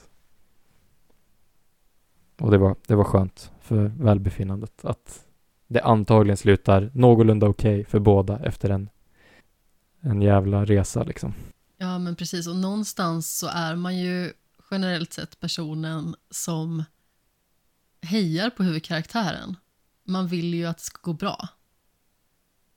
Men samtidigt så inser man ju också att han får ju 100% vad han förtjänar. Ja, ja, så är det ju. Alltså, det är liksom, han, han, fick inte, han fick inte bara slippa undan. Speciellt inte när han liksom är på det här sina stället och var så här att, ja men okej, han har liksom, han, nu lever han sitt liv och sen så ändå kliar det i fingrarna att liksom luras. Men precis, det är lite för starkt för honom för att han kan inte hålla sig ifrån den världen och att liksom bete sig skurkaktigt och det är också det som biter honom i röven till slut. Mm. Och det är ju inte mer än rätt egentligen, faktiskt. Men också liksom att den är verklighetstroget byggd. Att även fast han är slip-in så kan han ändå bara komma undan med liksom sju och ett halvt år, max. Att det inte blir så här, åh, han blir helt fri från fängelset, hurra. Utan den är väldigt förankrad i verkligheten. Att det känns liksom verkligen. legitimt med all juridik och okej, vi spelar ut de här mot varandra och då kommer vi få det här på det här sättet. Men man kan hitta i den här balken på det här sättet. Ja, men det blir inte noll år. Nej, nej, men det blir sju och ett halvt liksom. Så det tycker jag också att de har, de har gjort sin research när de skrev allt och eh, känns, ja som sagt, förankrat i, i det man, det man, den bilden man själv har av det här i alla fall. Nu finns det säkert jättemånga där ute som är juriststudenter och ser saker som inte vi ser, men från en, från en pöbers perspektiv så känns det väldigt verklighetstroget även fast det är en extraordinär situation. Jo, men precis. Men även att allting kanske inte är till punkt och pricka autentiskt så vill man ju ändå att känslan ska återspegla det på något sätt. Och det är väl egentligen det som gör en bra serie. Att det känns autentiskt. Eller den här typen av serie i alla fall. Verkligen. Mm. Det börjar väl bli dags att runda av, tänker jag. Och eh, Douglas, vart finner man dig för någonstans? Förutom i skogen och uppe på taket. på den här andra sidan skogen från Alingsås så hittar man mig på Twitter. Eh, ja, numera enbart tydligen för att förankra med det vi inledde med. Eh, Douglas Lindberg på Twitter i alla fall. Eh, om man vill skälla på mig att jag tyckte om Better Call Saul så kan ni höra av er där. Och annars så får man väl typ skicka brev eller något. Skriv ett DM så får ni adress. Jimmy? Eh, jag eh, pratar om spel i spelsnack och jag skriver om spel på loading.se. Ja, och skämshögen återkommer ju väldigt snart. Vi är ju fortfarande inne i Shame of Thrones-tider. Så när det sjunde avsnittet har släppts så kommer vi ju komma tillbaka med ett nytt avsnitt. Och eh, jag har faktiskt planerat i stort sett ända fram till Shame of the Year med avsnitt. Så det är eh, sex stycken avsnitt som jag har någorlunda planerade redan. Så eh, nu tänker jag inte lämna saker och ting åt slumpen här, utan eh, är relativt redo. Men man kan skriva till skämshögen på Twitter och Instagram, precis som Martin gjorde. Ni får jättegärna ställa frågor, alltså det är jätteroligt att ha en diskussionsfråga på det här sättet med i avsnittet. För att det bidrar ju med lite extra liv. Och framförallt att vi får interaktion med de som lyssnar och det betyder väldigt mycket, i alla fall för mig. Man kan också skriva på Facebook naturligtvis eller skicka e-postmeddelande på skamsogensgmail.com. Och mig finner man som Kapten Sten, Sten med två E, på Twitter och Instagram. Men Douglas, det var jättekul att ha med dig igen och Mm. eh, vi får hoppas att det inte dröjer lika lång tid nästa gång. Nej, absolut. Det är bara att höra av er om det finns någon eh, serie eller spel att eh, beta av så, så är jag där. Självklart. Och eh, till alla lyssnare där ute, puss i ljumsken. Hej då! Ciao!